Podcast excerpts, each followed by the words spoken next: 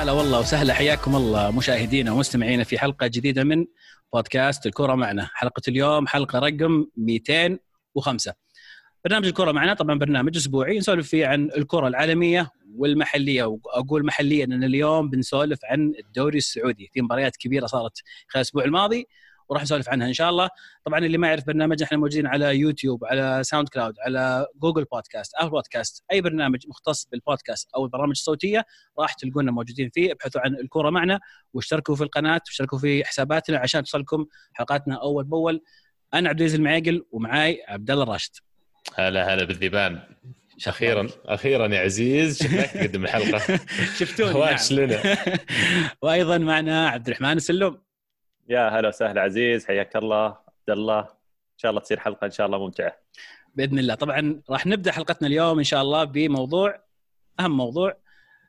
آه، هو أهم موضوع نتكلم فيه بعد شوي لكن نتكلم عن الشامبيونز ليج نبدأ بالشامبيونز ليج أول شيء ونبدأ بمباراة آه، مانشستر سيتي وريال مدريد اللي انتهت بفوز سيتي 2-1 آم، نقول متوقعة آه، كنا متوقعين إنه ممكن السيتي يحقق هذا الانتصار ولكن الطريقة اللي صارت فيها هذه المباراة والأخطاء اللي شفناها من مدافع متمكن ومميز زي آه، فاران فاجأتنا في هذه المباراة. هل خليني أبدأ من أول سؤال يخطر في بالي. هل فعلا غياب سيرجيو راموس له كل هالتأثير على فاران أو الدفاع مدريد بشكل عام؟ والله في كلام كثير عن عن مباراة مدريد وعن مدريد تحديدا بس أحس إني ودي أسمع منكم أول. عبد الله ودي أسمع منك أول لا ترميها علينا لا ترميها. علينا طيب، لأن. فعلا فعلا فران يعني المفروض إنه top top defender واحد يمكن أفضل مدافع في العالم ويسوي شيء زي كذا ما أدري أنا أبغى أسمع تعليقك أنت ليش؟ أنا بتكلم بشكل عام أول إيش رأيكم؟ ناخذها. حبة حبة يلا. آه، أول شيء طبعا نقول مبروك لجمهور السيتي مبروك جمهور آه، ليون hard luck آه، ومبروك جمهور برشلونة وبرضه مبروك جمهور ميونخ. hard luck كل الفرق اللي اللي خرجت. آه، بالنسبة لي عنوان المباراة فيما يتعلق بمدريد آه، كان بالإمكان أحسن مما كان. ليش؟ آه، شخصيا أحس أن المباراة انتهت بعد مباراة الذهاب. لعدة أسباب. بالسبب الأول الكرت الأصفر اللي اخذه راموس وتأكيد غيابه عن عن مباراة الإياب. هذا كان شيء أعتبره سيء بالنسبة لمدريد وكان متوقع أنه راح يسبب مشاكل للفريق. آه، الشيء الثاني إنك أنت خسرت الأدفانتج اللي تلعب فيه على أرضك و... واحتمالية ان إن يجي في آه، مرماك أهداف على أرضك آه، صارت في هذه المباراة. الشيء الثالث وهو شيء سؤال بداخل بس معليش. أنت قبل المباراة نفس التوقع اللي صار في المباراة فالآن شعورك ما تغير عن قبل المباراة؟ بالضبط لأن كنت أرشح سيتي وكنت أتوقع سيتي آه، حتى في واحد من الشباب كان في التليجرام أتوقع أو في ال comment حقت يوتيوب قال عبد الرحمن أسلوب التخدير قاعد تخدر آه، جمهور مانشستر سيتي بس يعني صراحة بعد مباراة الذهاب حسيت إن المباراة راحت. يعني السيتي يسجل عليك هدفين آه، في بطولة آه، تقريبا هي ال- ال- ال- اللي باقيت له خلال هذا الموسم واللي يسعى لها أصلا خلال خلينا نقول المواسم الأخيرة مع مع مع جوارديولا أنا أبغى ف- أقارن بين وضع الفريقين بعد. سيتي جاي خسران دوري ومقبل على المباراة ومدريد جاي فايز بدوري ومقبل على نفس المباراة. صح. يعني يمكن أغلب جمهور مدريد تعودوا على الفريق إن الفوز يجر الفوز والفوز يولد الفوز. بس ما صارت هالمرة بس لكن في شعور إن السيتي كان أفضل. حتى لو ما أخطأ فران فعلا في ذيك اللقطة السيتي كان بيفوز. في مباراة الإياب خاصة آه ليش أنا قلت كان بالإمكان أحسن مما كان؟ لأن نادر انك تلعب مع السيتي ويضيع هذا الكم من الفرص. فدائما إذا أنت لعبت ضد فريق أحس وضيع كمية فرص معناته المفروض إنه يتوقع إنه يستقبل آه هدف. لكن هذا ما صار للأسف لأن مدريد في هذه المباراة كان سيء جدا جدا جدا من وجهة نظري. مدريد ما خدمهم بعد من قبل المباراة وهم بيل ما يبغى يلعب مدري إيش وزيدان وطالع مصرح. يعني أشعر وكانه في البيت المدريدي في شعور داخلي إن الشامبيونز السنة هذه ما كانت أصلا يعني واقعية ولا كان واحدة من الأهداف اللي كانوا يحسون بيحققونها. فحتى يمكن ماخذينها بشكل إيجابي انه خليني أطلع من المسابقة بدري وخلي برشلونة واتلتي يكملون يلعبون. وأنا برجع متجهز الموسم الجاي بشكل أفضل منهم. صح. وأك... والدليل على هذا الكلام عبد الله إنه أغلب ت... يعني التصاريح حقت اللاعبين كانت تتكلم عن إنه الفريق حقق الهدف الرئيسي أو الأساسي لهذا الموسم اللي هو كان الدوري. وبالإضافة إلى الدوري قدر إنه يجمع معه كأس السوبر الأسباني اللي اللي كان في جدة. فبطولتين في هذا الموسم خلينا نقول الغريب أنا أعتبر إنها يعني آه، موسم جيد جدا إلى إلى ممتاز. لكن إذا بنتكلم عن المباراة تحديدا آه، أحس إنه وبسبب خسارة مدريد في هذه المباراة يعني يمكن بحاول أختصرها من سببين إلى ثلاث أسباب، السبب الأول التشكيلة أو العناصر اللي قرر زيدان إنه يدخل فيها المباراة. آه، أتوقع يمكن إحنا في في البودكاست آه، تكلمنا أو لو لو تجي تسأل أي مشجع مدريدي أو أي محلل مهتم في الشأن المدريدي تساله عن توقع تشكيلة المباراة يعني كان يمكن 10% خلينا نقول منهم بيتوقع إنه بيلعب ب 4 3 3 ويلعب هازارد أساسي. أغلب التشكيلات المتوقعة كانت إما ب 4 5 1 اللي هي التشكيلة اللي اللي اعتمد فيها زيدان آه، ضد آه، فالنسيا وضد أتلتيكو مدريد في السوبر في إسبانيا ولعب فيها برضو في مباراة في الدوري قدام فالنسيا آه، اللي هي كاسيميرو مودريتش كروس إسكو فالفيردي أو على أقل تقدير إنه يلعب في أربعة في الوسط فالفيردي يشارك كروس ومودريتش وكاسيميرو خط الوسط مع وجود واحد من لعيبة الأجنحة ولعيبة المهاجمين مع مع بنزيما سواء كان رودريجو أو هازارد أو أو جونيور. وهذا الشيء ما صار. زيدان لعب بثلاثة هجوم رودريجو هازارد وبنزيما.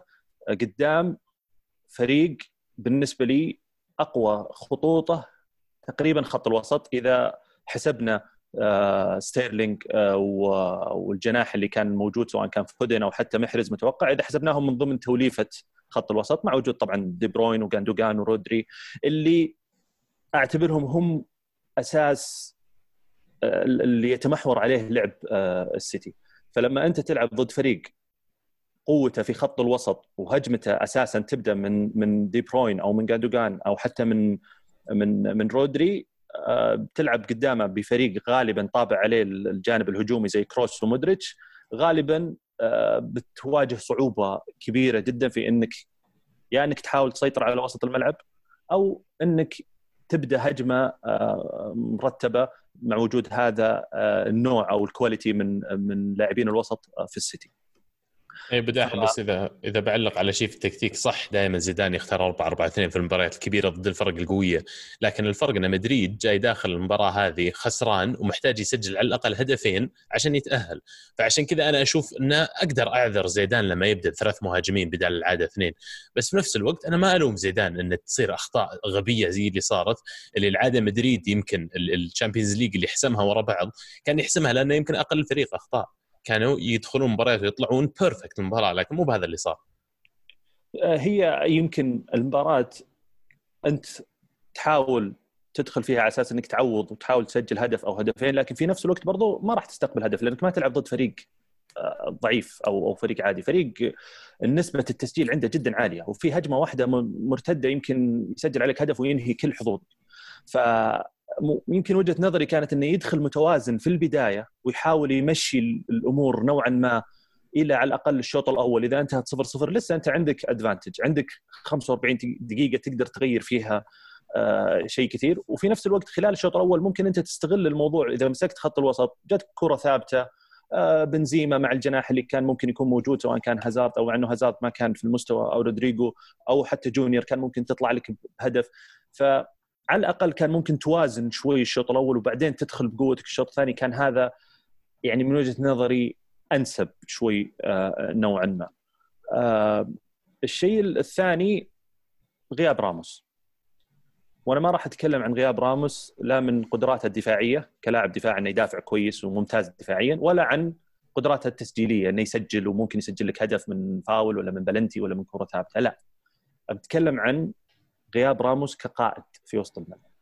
في بعض المباريات الحساسة أو بعض المباريات اللي تحتاج فيها كمباك قوي زي هذه تحتاج إنه وجود قائد في وسط الملعب. القائد هذا وجوده يمكن حتى إمكانياته الفنية في بعض اللاعبين القائدين اللي تلقاهم كبار في السن تكون بسيطة لكن تأثيره في الملعب جدا كبير. وهذا الشيء كان واضح مرة إنه مفقود في ريال مدريد في هذه المباراة. ما في ما كان في قائد في وسط الملعب ما كان في أحد يتكلم مع اللاعبين وسط الملعب.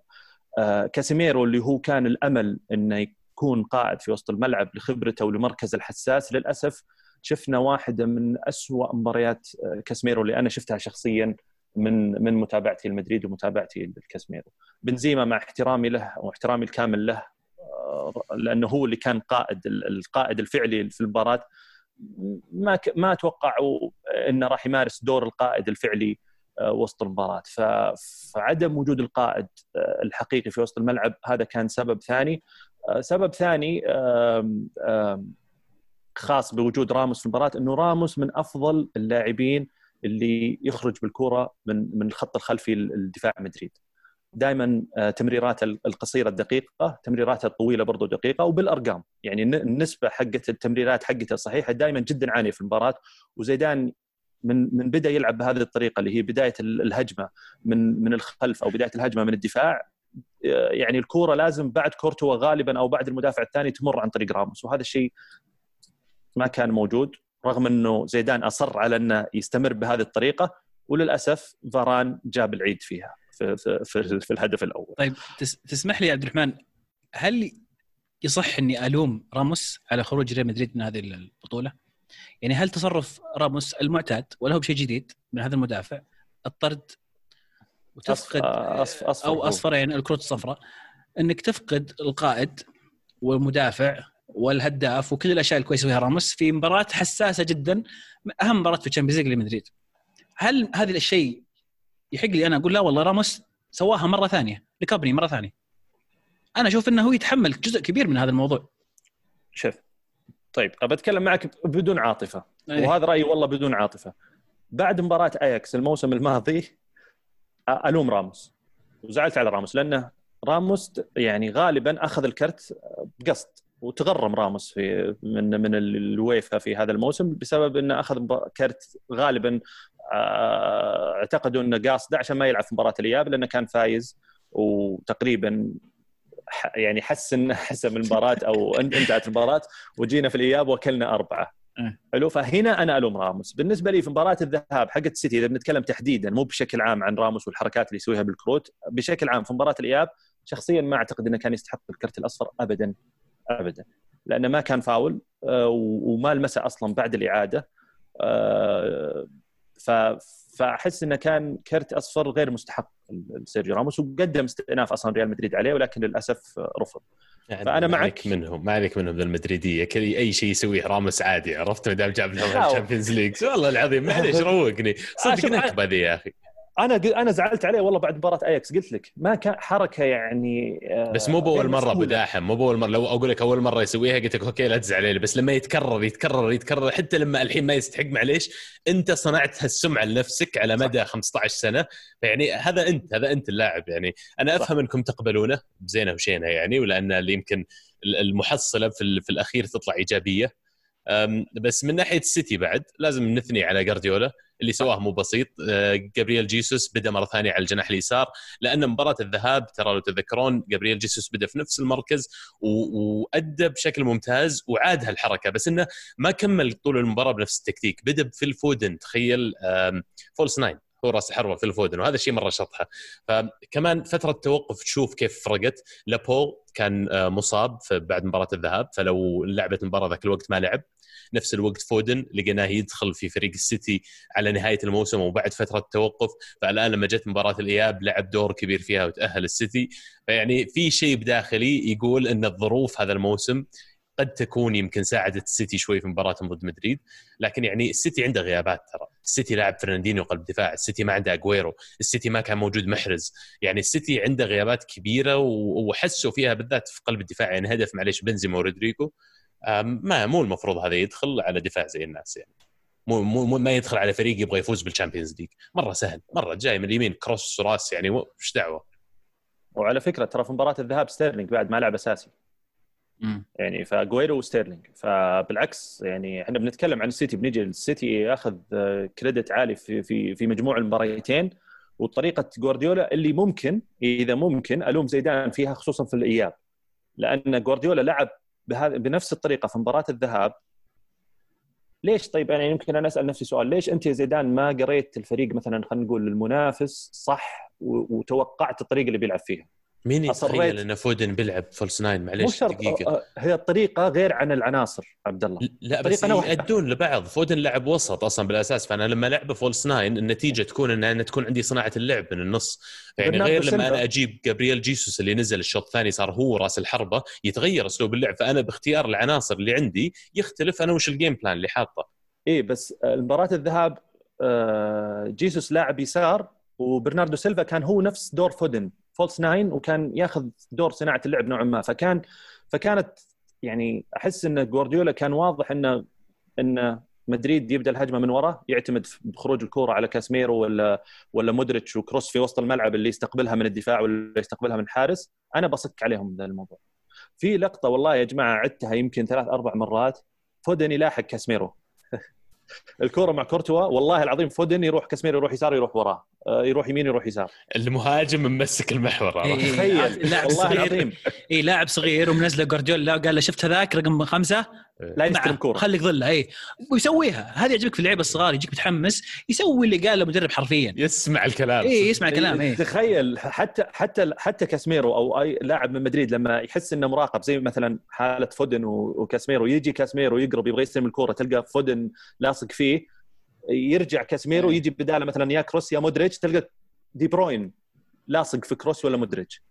ف ومن هنا بلعبها هنا ولا هنا هذا طالع لك جيسوس هنا طالع لك ستيرلينج. فقتل قتل الوضع خلى مدريد يضطر يلعب كره عالية. كره عالية دائما غالبا الكره الثانية آه، كانت للسيتي للأسف. ما كانت آه، يعني من من نصيب مدريد. عزيز آه. أقنعك السيتي إنه يفوز بال Champions؟ أم، يوصل بعيد. يعدي ليون لكن من حظه إنه راح يواجه بايرن ميونخ في نصف النهائي راح يطلع. من حظه؟ يعني حظ السيء قصدك؟ إيه، حظ السيء طبعا إيه. بس تتوقعون المباراة الواحدة بتفرق؟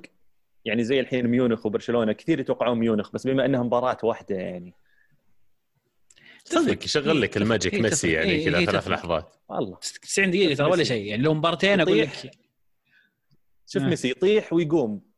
وياخذ الكورة ويجي واحد ثاني يطيح ويقوم بنجيه. بنجيه بنجيه بنجيه هذه المباراة ذيك بس خلينا نتكلم عن هاشتاج أول هلا مدريد يقول بنهاية موسم زعيم أوروبا الهدف الأول والليغا جبناه بس تمنيت تحقيق الأبطال أو على الأقل خروج أقل قسوة.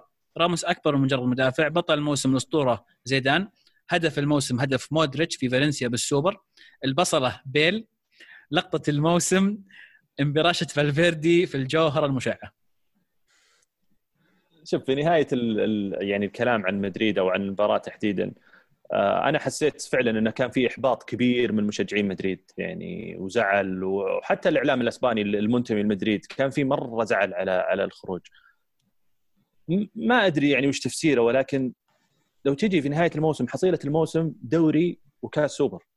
يعني فريق محقق آه، بطولتين من أربع بطولات في في موسم يعتبر غريب نوعا ما. آه، في موسم صعب بالنسبة لي يمكن على مدريد عدم تأقلم آه، اللاعبين الجدد يعني مباشرة إصابات هازارد المتكررة اللي إحنا كنا يمكن مأملين عليه مرة شيء كثير. فدوري وكاس أعتقد إنها كانت مرة ممتازة ومرة مرضية. وكثير لو تجي تسألهم قبل بداية حتى ال Champions League ما كان يتوقع إنه مدريد ممكن يحقق ال Champions League هذه النسخة آه، في هذه السنة فيعني آه، افرحوا آه، جمهور مدريد الفريق سوى موسم مدريد كان الثاني في ممتاز. صح؟ إيه. هذا أول أول شيء يعني يوجهك في إنه في مشكلة كانت في البداية إنها صار الثاني وباريت باريت السيتي بدل ما تصير الأول مثلا تباري ليون على سبيل المثال بس في نفس الوقت خروج مدريد من دور 16 دائما قاسي. بغض النظر أمام مين أنك طلعت من دور 16 كارير مدريد قاسي. الشيء الثاني ما أدري ليش ال- الأمال كانت كبيرة رغم إنك خسرت في أرضك في أرضك أمام السيتي وراح تلعب في ملعب السيتي. فالمفروض إنك متوقع إن راح تكون مباراة صعبة جدا وإذا تأهلتوا تراها تعتبر إنجاز ممتاز. فمفروض انه يكون هذا الشيء يريح أو يسهل تقبل النتيجه النهائيه اللي صارت لمدريد بس في كل موسم مدريد مطالب إنه يوصل أبعد شيء ممكن في ال Champions League. خلينا نكون واقعيين. بالذات إنه بعد في آخر خمس سنوات جايبها مدري كم مرة ف ضيعت ضيعت ما عاد ألحق صراحة كم مرة يا عبد الرحمن. شغلتين عاد. يعني أول شيء هازارد مو هو برونالدو ترى.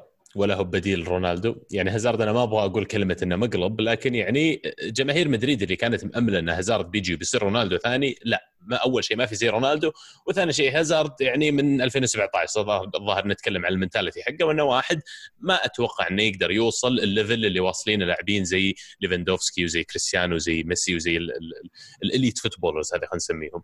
الشغلة الثانية لو بيل متصالح مع زيدان وقاعد يلعب على أعلى مستوياته وجاهز فنيا ولعب أساسي ما تتوقع هذا كان بيفرق كثير في صالح مدريد؟ طبعا أنا ما أتكلم بس خلال أسبوع تصالحوا لكن لو ال Bale situation كله خلينا نقول أداره بطريقة أفضل من اللي وصلت إلى مرحلة إني قاعد أروح أنا في أكبر مباريات الموسم واللاعب اللي أنا شاريه بحوالي 100 مليون أجي أقول هذا اللاعب ترى ما يبغى يلعب تراني خليته في إسبانيا وأحط راموس الموقوف في الليسته اللي رايحة.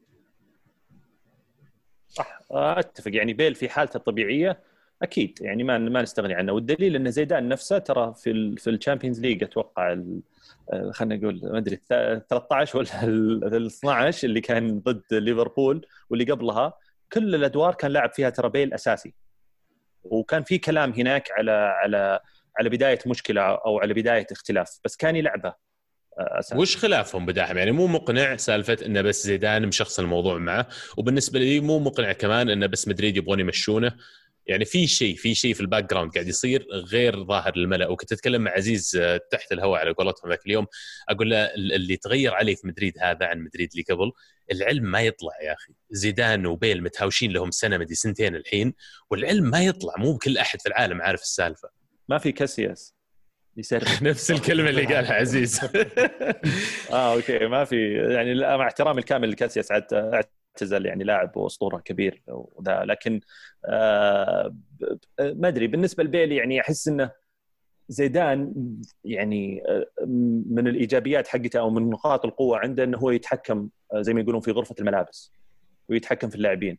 ودائما طبعه يحب إن اللاعب آه، يعطي أكثر ما عنده في التمارين في الحضور الذهني في غرفة الملابس آه، والكلام اللي طلع عن بيل حتى قبل المشاكل وكذا إنه شخص غالبا انطوائي اللغة الإسبانية ما تعلمها إلا طيب هذا كل شيء اجتماعي. الرجال ما يسهر ينام بدري أول واحد يوصل التمرين آخر واحد يمشي قاعد يسوي كل شيء يخليه elite footballer. وبالنسبة لي كل ما أشوفه يلعب فعلا يحسم الموقف بالنسبة لفريقه حتى في حضور لاعبين زي كريستيانو. لكن يجيك فريق زي مدريد واحد زي زيدان يدورون لهم طريقة إنه يتهاوشون مع لاعب زي كذا. في الأخير الكل خسران ترى. جمهور مدريد خسرانين مدريد كنادي خسران واللاعب خسران. يعني. بس دقيقة بس بيل موظف ما عنده أي نوع من الولاء للشركة. أنا هذا كذا أشوف بيل. بيل ابداوم من ثمان إلى خمس. دقيقة واحدة زيادة ما, ما في. دق علي في ال weekend والله ما رد. ماني ماني برايح extra mile وأتعلم أتعلم لغتكم. ليش؟ أنا بجي ألعب كورة. أنا أتكلم لغة كورة. وهذا الشيء ترى ما تشوف فيه لعيبة كثير ناجحين مستحيل يعيشون زي كذا. لازم يدخل في في الشلة ويعرف اللعيبة ويطلع معهم في النهار وفي الليل ويحس إنه فعلا صار جزء من هذا النادي عشان يعطي دمه كل النادي. بيل لا بيل هذه وظيفة. أبجي بتمرن معكم وبلعب مباراة معكم وبروح البيت. ما, ما يعني معامل السالفة بشكل official مرة. فأنا أشوف إن هذه أحد عيوبه. يمكن في لعيبة ثانية في مدريد نفس الشيء. قد يكون منهم إيسكو بس من إيه، حقه يا أخي. من حقه مثلا مو بلازم يتعلم اللغة اسبانيه مو بلازم إنه يطلع مع اللاعبين. يكون مو نفس جوه. بالضبط فنان. فنان هو هذا حقه. فنان. بس إنه شوف قارنه مثلا مع لعيبة ثانية في مدريد نجحوا أو استمروا مع مدريد. يوم لعب يا أخي حسم يوم لعب سجل لهم أهداف في نهايه ال Champions League يعني يوم لعب يوم اعطوه فرصة بس إنه هذا النقطة عندي مع بيل يعني نزل مستواه شوي صدق يوم شالوه بس كأنهم ينتظرون اللحظة اللي يجي في ال dip في ال form عشان ما عاد يلعب. وبالنسبة لي لما أوصل أنا مرحلة سواء أنا موظف ولا لاعب إن أحس إن النادي اللي انتمي له ولا الشركة اللي قاعد أعمل عندها مستقعدة لي تنتظر الزلة علي أكيد بتأثر أدائي. أكيد بيصير زي كذا بس في الأخير من اللي تسبب بهالشيء هم إنهم استقعدوا بهالطريقة. فأنا هذا هذا اللي أشوفه يعني وما أدري بداحم يعني. لا يعني شوف هو هو لا هو شوف هو شيء يمكن فعلا آه، زي ما قلت أنت قبل شوي إنه في شيء يمكن إحنا ما نعرف عنه، في شيء صاير آه، أو موقف صار أو أكثر من موقف تكرر إحنا ما نعرف عنه، لكن أنا تحليلي ومن الأشياء اللي قريتها إنه زيدان يهمه مرة بالدرجة الأولى غرفة الملابس آه، أو أو أو التمارين. فبيل من النوع اللي ما يعطيك ال effect العالي كلاعب قائد أو كلاعب كبير في الفريق أو كلاعب نجم خلينا نقول في غرفة الملابس. في التمارين ما مو دائما جدي ما يعطيك ال 100% مين قال لك لحظة يعني- مين قال لك مو بجدي. تعال طلع الأرقام هذا الكلام. إي. أنا أعرف الأرقام حقته دائما هي scores records يعني في الأشياء حق التمارين. فيعني إذا. الرجال قاعد يسوي كل شيء زي كذا لا تجي تستقعد لي ليش ما تطلع معهم؟ ما لك شغل يا أخي؟ جاي العب معك كورة. أنا ما جيت تصير زوجتك صدق ولا ولد عمك ولا أهلك يعني. بس أنا أختلف على نقطة اللغة ترى. اللغة أنا أعتقد إنها مهمة جدا ت communicate مع ال culture خلينا نقول ولا اللاعبين الأسبانيين اللي موجودين على أقل تقدير. لما أنا يجي لاعب زي راموس مثلا قائد يتكلم معي بالإسباني مو ما هو بعارف يوصل لي ال message هنا بواجه صعوبة. لما يجي يتكلم إنجليزي مكسر ما راح أفهمه ولا راح يفهمني يمكن في message معينة ما راح توصل إذا هذه آه. إشكالية ليش تجيبونها من البداية؟ إذا عندكم هذا الشيء نقطة يعني نقطة ارتباط أنا ما أعتقد أول شيء إن مايكل أوين تعلم إسباني على وقته ولا أعتقد آه، خمة اللاعبين اللي مروا على مدريد من كل مكان في أوروبا كلهم كانوا يعرفون إسباني يعني أحس الموضوع مستقعد على بيل فمو مقنعة معليش بالنسبة لي تفسير. انه لأنهم اجتماعيا مو مع النادي في شيء ثاني في شيء ثاني في الخفاء بس ما أدري وشو أنا أتفق ويعني بالإضافة إلى ال- إنه ما يعرف يتكلم إسباني. طيب قفلنا موضوع المباراة هذه. تبي نروح اللي بعدها؟ طيب المباراة اللي بعدها ودك؟ والله ما ودي لكن يلا نروح للي بعدها. المباراة اللي بعدها آه، اليوفي يفوز 2-1 على ليون لكن آه، يغادر البطولة ويتأهل ليون. آه، بعد انتهاء مباراة الذهاب طبعا 1-0 لليون. الحدث الأهم في هذه المباراة أو ما كان بعد هذه المباراة تم إقالة ساري في اليوم اللي بعده وبعدها بأربع أو خمس ساعات تم تعيين أندريا بيرلو لاعب اليوفي السابق ولاعب ميلان السابق كمدرب لنادي يوفنتوس. طبعا خلينا نبدأ نبدأ النقاش على طول. بيرلو ما عنده أي آه، خبرة تدريبية. آه، تم تعيينه كمدرب لصغار اليوفي تحت 23 سنة قبل أسبوع. وهم الفريق يشارك في ال Serie آه، C يعني الدرجه الثالثة. بيرلو ما عنده رخصة تدريب إلا الدرجة الثالثة. فهو الآن مقدم على رخصة تدريب آه، عشان عشان يقدر يدرب فرق في Serie A و Serie B وال Champions League والشروط تقول إذا أنت مقدم خلاص تقدر تبدأ تشتغل مع الفريق ما عندك مشاكل. عنده اختبار في سبتمبر وعنده مراجعة شو اسمه الورقة حقته في أكتوبر. بحث تخرج. نعم بحث بالضبط بحث تخرج. آه طيب. hard luck عزيز أول شيء. شكرا لك. bad luck ما يجيك وش وش أول رد فعل؟ أبي أول حبة مشاعر جتك يوم سمعت عن التعيين. أول شيء نتكلم عن 2 1 قلتها في الحلقة دي تذكر عبد الله قلت لك أتوقع إن 2 1 وقلت لي آه، حتى ما قلت لي انت أنا قلت لك أنت بتقول أنا متشائم لكن هذا كان شعوري. كنت متوقع العكس متوقع إحنا نجيب هدفين ويسجل ليون الهدف. اللي صار انه أحتسب الحكم بلنتي وهمي لليون. بعدين حاول يعوض اليوفي أعطاهم برضه بلنتي very soft آه وبعدين ورونالدو كان اللاعب الوحيد اللي في هذه المباراة كان هو اللي يرمي ال out كان هو اللي يناول كان هو اللي يشوت كان هو اللي يسوي. الرجال ما قص أحرجنا الرجال أحرجنا بكرمه صراحة رونالدو. وانتهت المباراة زي ما توقعت طلعنا وتم اقاله ساري انبسطت باقالته لكن تفاجأت للأمانة بتعيين أندريا بيرلو. مين اللي يسوي القرارات هذه عزيز؟ بس السؤال اندريا اندريا نيلي الرئيس. منفرد ولا عنده أنا أعت... هذا هذا هذا اللي ودنا نتكلم فيه. الفترة الماضية نتكلم بشكل مختصر جدا. كان آه، ال CEO في اليوفي كان ماروتا. طبعا ال CEO يرجع إلى ال president اللي هو أنيلي ما تحت إلا ماروتا. والذراع الأيمن لماروتا باراتيتشي. وطبعا نيدفيد نائب رئيس. فماروتا كان هو اللي آه، يقود السفينة بشكل عام هو ال CEO هو المسؤول عن عن التعيينات عن الانتقالات بشكل رئيسي هو المسؤول. آه، صار في شيء خلاف داخلي. ماروتا ترك الفريق. وأصبح باراتيتشي هو اللي يدير الأمور. بدون ما يتعين CEO كان مجرد sporting director باراتيتشي كان هذيك الفترة كان لسه تو جاي صفقه رونالدو. وبدأ يعني تجي فيه عنده الثقة أكثر والرئيس يثق فيه أكثر. وراح وتحمس ووقع مع أكثر من لاعب. اتضح اليوم إن هذه التوقيعات ورطت اليوفي أكثر من إنها نجحت اليوفي. لما تروح توقع تتكلم عن مين؟ أتكلم عن آه، رمزي بالتحديد آه، أو مثلا رابيو. هذه كلها مغامرات. أنت تروح تغري تغري يعني تغري اللاعب بعقد آه، عالي 10 مليون 9 مليون في السنة مقابل إنه هذا اللاعب راح يجيك مجانا. وتتورط فيه بعد سنة. اللاعب ما ينفع للفريق وما تقدر تبيعه ما حد يشتريه لأنه راتبه عالي. آه، تجدد مع خضيره تورط فيه براتب عالي. جدد مع متويدي تورط فيه وهكذا. اسماء كثيرة جدد معها وتورط فيها لأن راتبها عالي وما تقدر تصرفها لما ينتهي الأداء عنده. يبدو لي في خلاف بين ال president أنيلي وباراتيتشي في النادي الآن ومع نيدفيد لأن نيدفيد كان مصر مع باراتيتشي على تعيين ساري. فاللي فهمته إنه زعل الرئيس الآن وقال تدري أنا ما عاد بسمع منكم. بشيل ساري. طبعا اللي كانوا مصرين على بقاء ساري نيدفيد وباراتيتشي. أقاله وقال أنا اللي بحط مدرب جديد مو أنتم أنا اللي بعين مدرب تم تعيين أندريا بيرلو. في يعني احتمالات كثيرة ليش تم اختيار بيرلو. اولا راتبه مليون 800 ألف. راتب يعني أقل من ثلاث ارباع اللعيبة اللي في اليوفي. لأنك أنت بتتحمل راتب ساري. تدفع له المبالغ الباقية له. أليجري للحين يندفع له من اليوفي لأن تمت اقالته لنهاية الموسم هذا. عندك الويجبل أو الرواتب اللي تدفعها للعيبة عندك كبيرة جدا.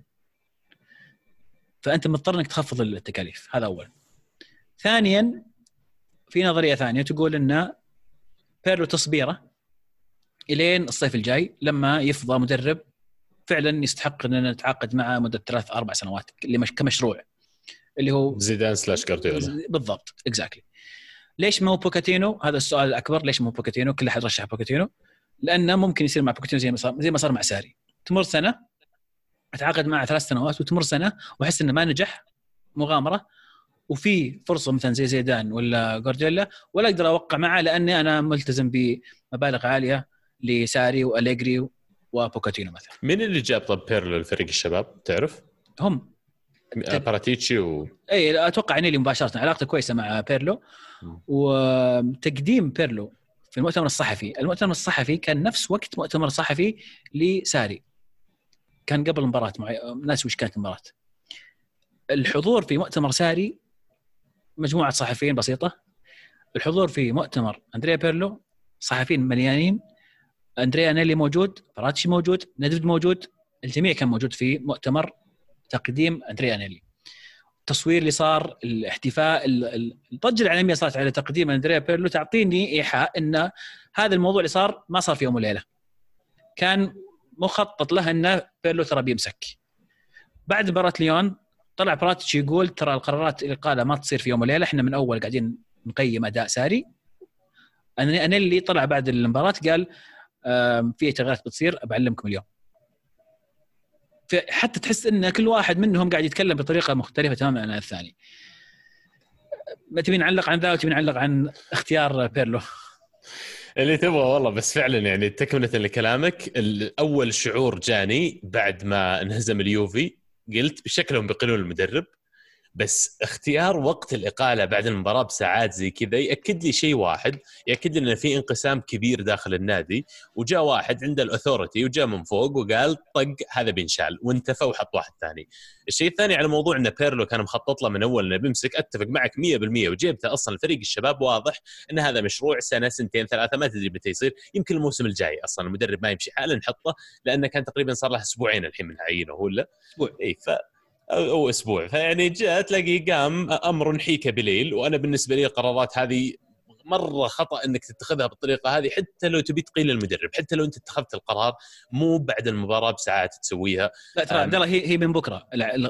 ما أدري رسميا طلعت من بكرة اليوم اللي بعده. بس صح يمكن القرار اتخذ من اليوم اللي قبله ما ما ما وأنا قصدي حتى لو بكرة قريب مرة أنت توك طلعت من بطولة كبيرة أنت كنت حاط امالك عليها متعاقد مع لاعبين زي رونالدو مقعد لاعبين عندك على ويج بالكبير جدا على أمل تحقيقها. فحتى لو تبي تسوي رد فعل وتبغى تغير مسار السفينة حقتك ما تسويها بالطريقة دي. ما تسويها بتعجل كبير إنك تقوم يوم ثاني حتى لو انه يعني الوضع زي ما هو زي ما أقول لك شلته وحط بيرلو وحط أي أحد. يعني أنا أشوف أن هذه شوي تخطيط كارثي من إدارة يوفي أول شيء ومهزلة أن نادي زي اليوفي متسيد إيطاليا لكل هالفترة وعنده كل هالإمكانيات المادية والإدارية وتوصل إلى مرحلة أنك قرارك تتخذه كذا قرار نحيكه بليل بعد مباراة كذا فجأة impulsive decision يعني أنا أنا يزعل بالنسبة لي لو إني من جمهور اليوفي لأنه كان بالإمكان أكثر بكثير لكن أنتم أخذتوا كل الموارد وأخذتوا كل الفرص اللي تعب اليوفي على تحقيقها على مدار 10 سنوات ويمكن ناس زي ماروتا اشتغلوا عليه يا عزيز. إنك تجي في لحظة تنسف هذا كله. اليوم أنت what you're left with إن رونالدو عندك حطيت له واحد يعني خلينا نقول ما عنده أي خبرة تدريبية أفضل مدرب في العالم بيدربه مدرب مغمور ما عنده أي تجربة. قاعد يلعب مع لاعبين زي ما قلت في المباراة هو كأنه قاعد يسوي كل شيء. صح أنا mister Champions League بس أنا ما أقدر أشيلك أوديك النهائي. لازم تشتغل معي أنت. فيعني أنا بالنسبة لي أول علامة استفهام الحين صارت على رونالدو. رونالدو أنا ما أعتقد إنه يعني مضمون إنه بيكمل مع يوفي الموسم الجاي. لكن في المقابل الشيء الإيجابي الآن أنا أحب تعيينات الناس الصغار كذا كمدربين اللي غير متوقع منه ولا شيء لأنه يعني دائما إذا شطح بيكون شيء إيجابي إذا ما شطح ما سوى شيء أنت أصلا بديت كلامك بأنك تقول هذا حل مؤقت لين يفضى لين يفضى مدرب ثاني. يعني اليوفي مقبل على فترة إعادة بناء وحرام إن التسيد هذا العشر سنوات ما تكلل على الأقل Champions League واحدة.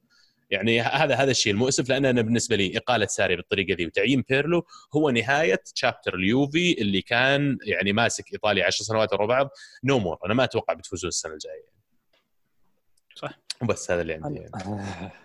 أنا أنا أتوقع يعني وجهة نظري وأنت تتكلم تو عزيز جاء في بالي موضوع الجانب الإعلامي والجانب آه، كيف يعني تأثير آه، الإعلان عن التوقيع مع بيرلو. تدري إنه التويته حقت تعيين بيرلو أخذت ثاني أكثر تويته تفاعل أتوقع في حساب اليوفي من آخر عدد سنوات معين ف... صدمة هي صدمة لأنها يعني مو شرط أنها إيجابي هي صدمة إيه. والصحفي مومبلانو أول ما أقيل ساري طلع قال هو هذاك اللي اللي أعلن صفقة رونالدو واللي أزعج إيه. العالم طلع قال ترى التعيين بيكون مفاجأة فأنا أقرأ تعيين قريت إن تعيين مفاجأة. قلت في بالي أكيد بيكون مفاجأة يعني. بغض النظر مين بتعين أكيد مفاجأة. سيموني إنزاجي بتحط بوكيتينو بس فعلا لما صار صار فعلا مفاجأة. فهذا طبعا له له دور كبير في إن التغريده ده. اسلم. أي. ومقال سالم بس ليش ليش ما يكون أنيلي آه، دخل تحت ضغط آه، جمهور وتحت ضغط المشاكل اللي قاعدة تصير مع الإدارة؟ وقال الحل الوحيد إني أنا أكسب عاطفة الجمهور أو أكسب عاطفة الإعلام المنتمي باليوفي بإني أعين ما ودي أقول ولد النادي ولكن إني أعين خلينا نقول أسطورة من من أساطير النادي بحيث إنه فيه صبر راح يكون عليه كبير. آه، ممكن أكيد إنه عنده بوتنشل معين إنه يكون مدرب جيد لاعب ممتاز. أعضاء الفريق اللي موجودين الخبرة الإيطاليين بوفون كيليني يمكن بونوتشي كلهم ممكن راح يساعدونا في هذا الموضوع. فأسلم طريقة أني أنا أتفادى الإخفاقات اللي صارت آخر سنتين بعد إقالة أليجري وتعيين ساري والخروج من Champions League آه، في في سنوات مختلفة. إني أنا أعين واحد الجمهور ما راح ينتقدني عليه كثير حتى لو خسر حتى لو الفريق ما أدى كويس راح يصبرون عليه. يعني هل هذا منطق؟ ذا يملك النادي ذا ما يحتاج يرضي أحد. يعني بعيدا عن هذا وجهة النظر بس هل تعيين بيرلو فعلا يرضي الجميع؟ يعني أنت لما تتوقع انه ما أدري أنا أشوف اليوم الجمهور واعي الناس واعية. أنت ما عينت مع كل احترام لبيرلو حتى لو عينت ديل بيرو وما عنده خبرة تدريبية يا أخي مو معقول تجيب لي أحد. حصة تدريبية واحدة ما ما قاد بس بس تدريب. أنت يعني مثلا بحكم إنك متابع مثلا خلينا نقول. لحسابات يوفي يوفوية أو مشجعين يوفويين ما ما حسيت بنشوة فرحة أو تفاؤل؟ شوف بعد تعيين إيه اللي حسيته أنا فعلا وشفته كثير عند الناس صدمة تفاجؤ. بعدين هذا اللي انكتب ندعم بيرلو. طبيعي أنت ك... كأي يوفاوي لاعب أسطورة. كان بداية التسع سنوات اللي كان عنها عبد الله كان بيرلو هو اساسها وبدايتها. أول لاعب جاء. وحقق أول بطولة معنا. فطبيعي إني خلاص تم تعيينه. أكيد إني خلاص بتفائل فيه لكن اسالني واقعيا ومنطقيا الرجال حصة تدريبية واحدة ما صفر صفارة في مع اللعيبة في التدريبات.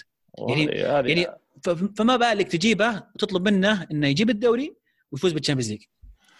هذه إشكالية لأني أنا قريت آه، برضو مقارنات كثيرة الناس تقارن مع زيدان مع لامبارد مع آه، سولشاير مع حتى مين برضو؟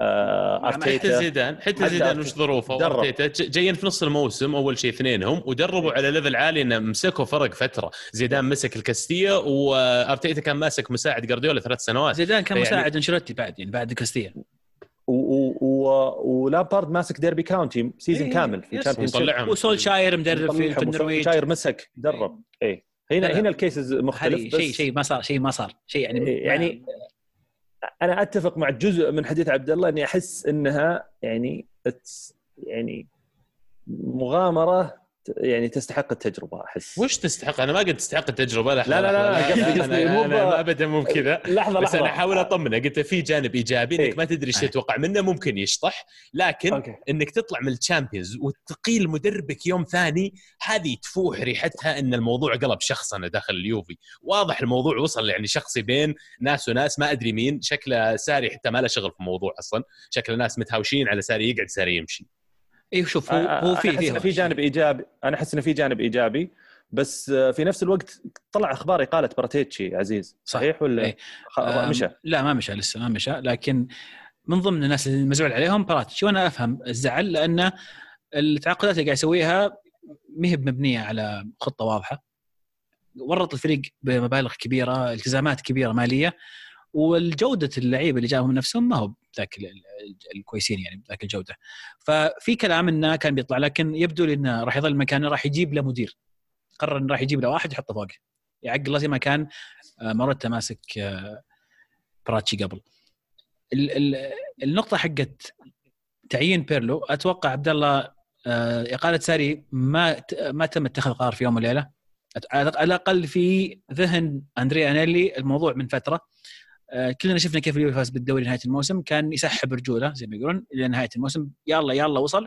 أول ما حققها خسر باقي المباريات. نشوف الإنتر صار فرق نقطة في نهاية الموسم. الاقاله كانت وهذه يعني آخر مباراة اللي خلاص يعني يمكن لو وصل ساري إلى نص النهائي في ال Champions League ولا ثمن النهائي كان يمكن ترددوا شوي لكن طلعتك من ناب من ليون. أنهت الأمور تماما. تعيين بيرلو يبدو إنه جزء من ثورة كبيرة راح يمر فيها اليوفي. اليوم سمعنا تأكيدات انتقال ماتويدي إلى إنتر ميامي. هذا أول خطوة.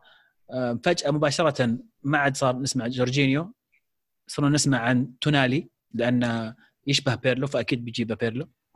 صرنا نسمع عن زانيولو من من روما. صرنا نسمع عن إيزكو نوعية اللعيبه اللي يبغى يلعب فيهم آه، أندريا بيرلو.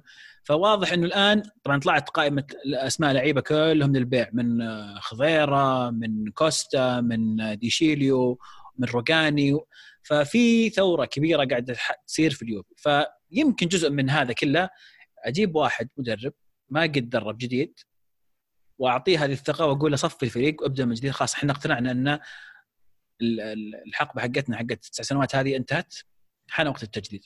الشيء الوحيد السيء في كل هذا أنا مع التجديد وكل حقبة لازم تنتهي يعني. حقتنا طوت تسع سنوات ترى ما هي بفترة قصيرة.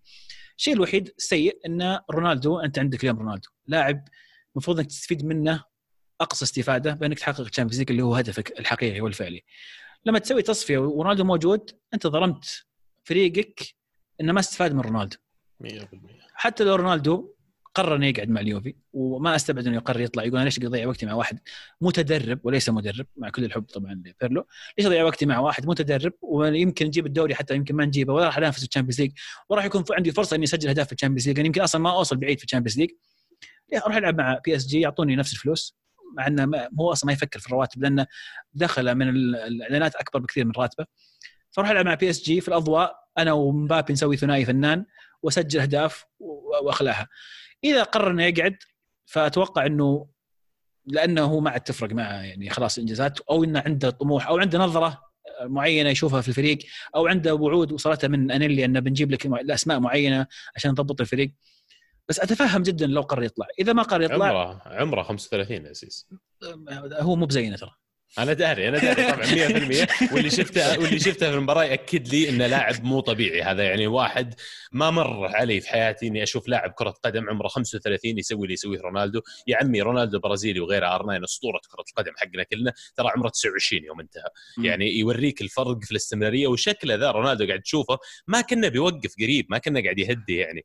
فزي ما قلت عزيز فعلا حلو تعليقك إنه حرام عليكم اليوفي أجل. جيبتكم رونالدو من الأساس. إذا اخرتها بعد سنتين من ثلاث سنين والفريق يعني المفروض إنه في أوجه تجي تقرر هالقرارات الغريبة ويعني طبعا هي مجموعة قرارات مو بس إقالة مدرب. هي تبدأ من قبلها من تعيين المدرب نفسه وقبلها من اللاعبين اللي جابوهم وقبلها يمكن من تعيينات في الإدارة اللي تكلمت عنها. لكن يعني حرام والله شيء مؤسف إنه يعني أحس فيكم كجمهور يوفي تحصل لي فرصة أجيب لاعب زي رونالدو أشوفه يلعب قميص اليوفي وكانت ال Champions هي العصية. ما أستفيد من هاللاعب إني أجيب هالبطولة العصية. يعني فيها فيها bitter taste يا أخي. وش ممكن تتوقع من أو وش ممكن يكون طموح مشجعين اليوفي من اليوفي السنة الجاية؟ ما بس أنت تدري بسألك تتوقع رونالدو بيقعد؟ أنت لو أسألك أنا يعني أنا أشعر نفسك. أنا أشعر إنه بيقعد لأنه يحب التحدي هو وم- تصريح تو- أنيلي. سنتين اي مستقر هنا وأتوقع ترى رونالدو قايل لانيلي شل سالي تطفشني بس ما أتوقع أتفق معه على بيرلو. وشيء ثاني صح القرار شكله اتخذ من أول لكن من من فراس شخص واحد. ففعلا لما جاء نيلي شكله قال لهم "ش- خلينا نشيله خلينا نشيله اذا أنا مو بعاجبني بنشيله لا ما عليك خله خله. فالنظام أنا بعطيكم لين يصير كذا. فيوم صار ال- الشرط هذا اللي خروج من ليون خلاص على طول ما انتظرهم. القرار already متخذ من قبل. يعني حرام إن أول شيء تفريطكم بمروتا قبل كذا يعني أنا ما أدري إيش اللي صار في اليوفي عشان مروتا ينتهي في إنتر. بس ودي أعرف صدق القصة. ما أدري. آه، كان أنا كان عندي توقع ان صفقة رونالدو لكن في كثير ناس يقول لا ما لها دخل بصفقة رونالدو. أنا أتوقع انه كان تصوري أو افتراضي إنه لما تم التوقيع مع رونالدو لأن صفقة رونالدو جت عن طريق باراتيتشي. تواصل مع خورخي مينديز وكيل أعمال رونالدو وطار في أول ما سمع الخبر راح على طول دايركت لأنيلي. ما راح حتى المرتة ومرتة ما كان عاجبه. الصفقة اللي يقول إنها مبلغ كبير ورواتب كبيره أنا أقدر أسوي فيها أسوي فيها فريق كامل. غير التوجه حق مرتة واسلوب مرتة في في بناء الفرق. أنا اللي شافها من منظور تسويقي ون- ورونالدو خلينا نكون واقعيين يعني. رونالدو لما تجيك فرصة رونالدو توقع مع رونالدو. ويعني من ناحية تسويقية ما ننكر آه، اللي سواه رونالدو. يوفي كان من الثامن أو التاسع من ناحية السوشيال ميديا. الآن تخطى يونايتد صار الثالث في العالم. السنة هذه بس أكثر حساب تفاعل في في السوشيال ميديا حساب اليوفي من بين الأندية كلها.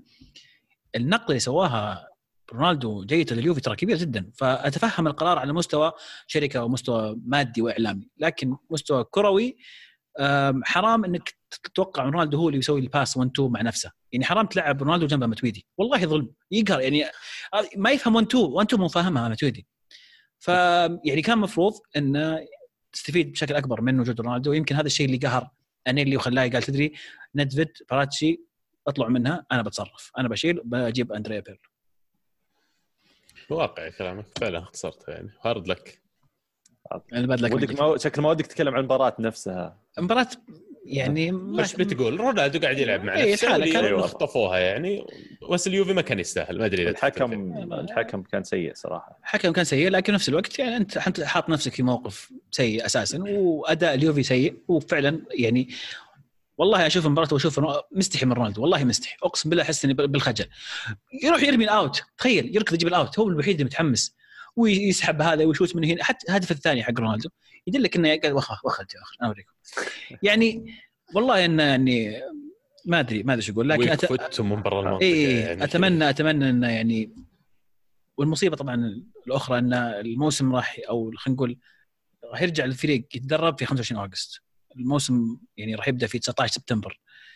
ال- التوقف قصير جدا ما في وقت كبير إن أصلا بيرلو يتعود على أو يعني يفهم الفريق بشكل كامل. آه، رغم إنه يعني ممكن هو من أفضل الخيارات في ناحية إنه يعرف اليوفي ويعرف أسلوب اليوفي ويعرف اللعيبة بشكل كبير. لكن استقطابات إضافات هذه كلها راح يعاني فيها اليوفي وراح ينظلم فيها بيرلو.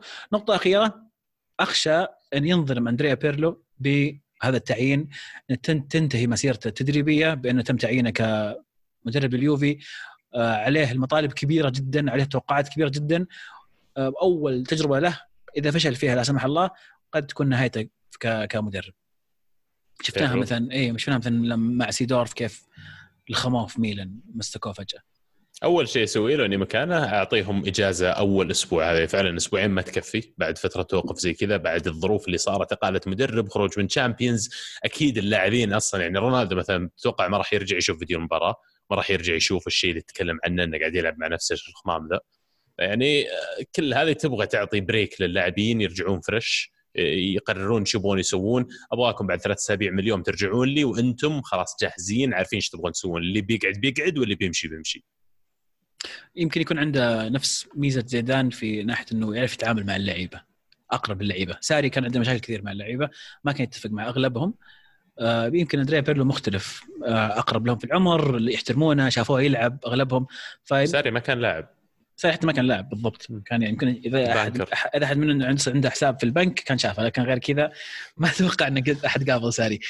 آه ننتقل للمباراة اللي بعدها. آه فوز برشلونة على نابولي بثلاث أهداف مقابل هدف. في مباراة والله نابولي ما كان شين فيها ابدا. آه، برشلونة استطاع إنه يتقدم في هذه المباراة. آه، في آخر الدقائق نابولي كان ضاغط كان ماسك كرة أكثر لكن افتقدوا للمسة الأخيرة أو إنهاء الهجمة. آه، مبروك لبرشلونة التاهل راح يتاهلون راح يلعبون مع بايرن ميونخ. ولكن المستوى اللي شفناه من برشلونة مقلق جدا ومخيف وكان اعتماد كبير طبعا فيه على السحر حق ميسي.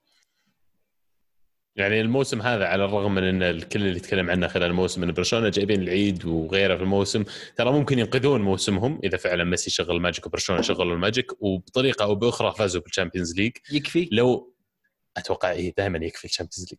لا لا يكفي السحر هذا انه يعدون بايرن ميونخ وبعدها يمكن السيتي.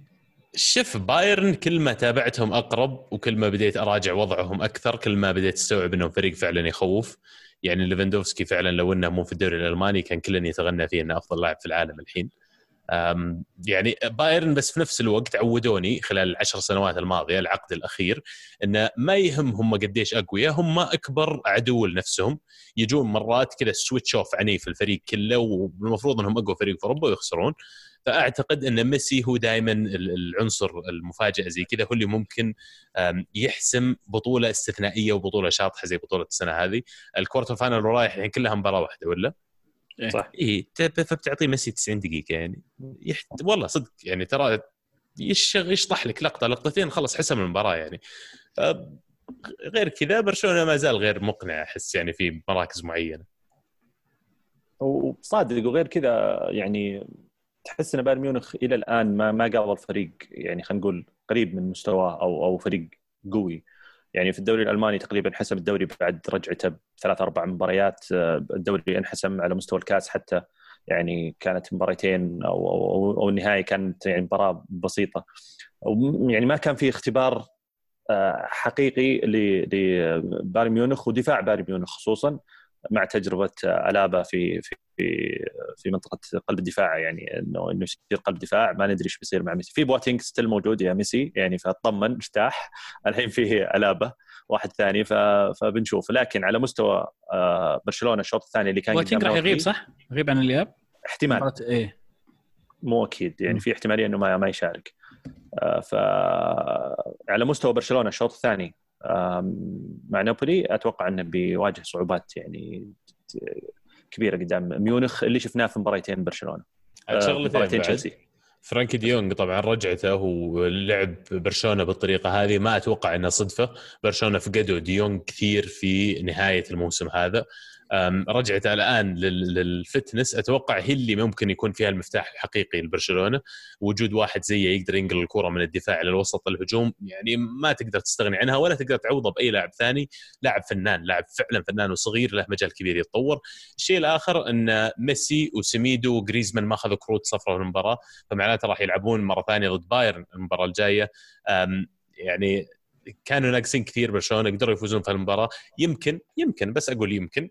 يجي الأسبوع الجاي ويجي ميسي ذكريات بواتينج ويعيدها فيهم مرة ثانية. ممكن. لكن ما أشوف إن هذا الشيء واقعي في رأيي. أنا أشوف إن بايرن ما أشوف أحد يقدر يوقف بايرن. قاعد أقرأ الهاشتاج. في واحد من الشباب يقول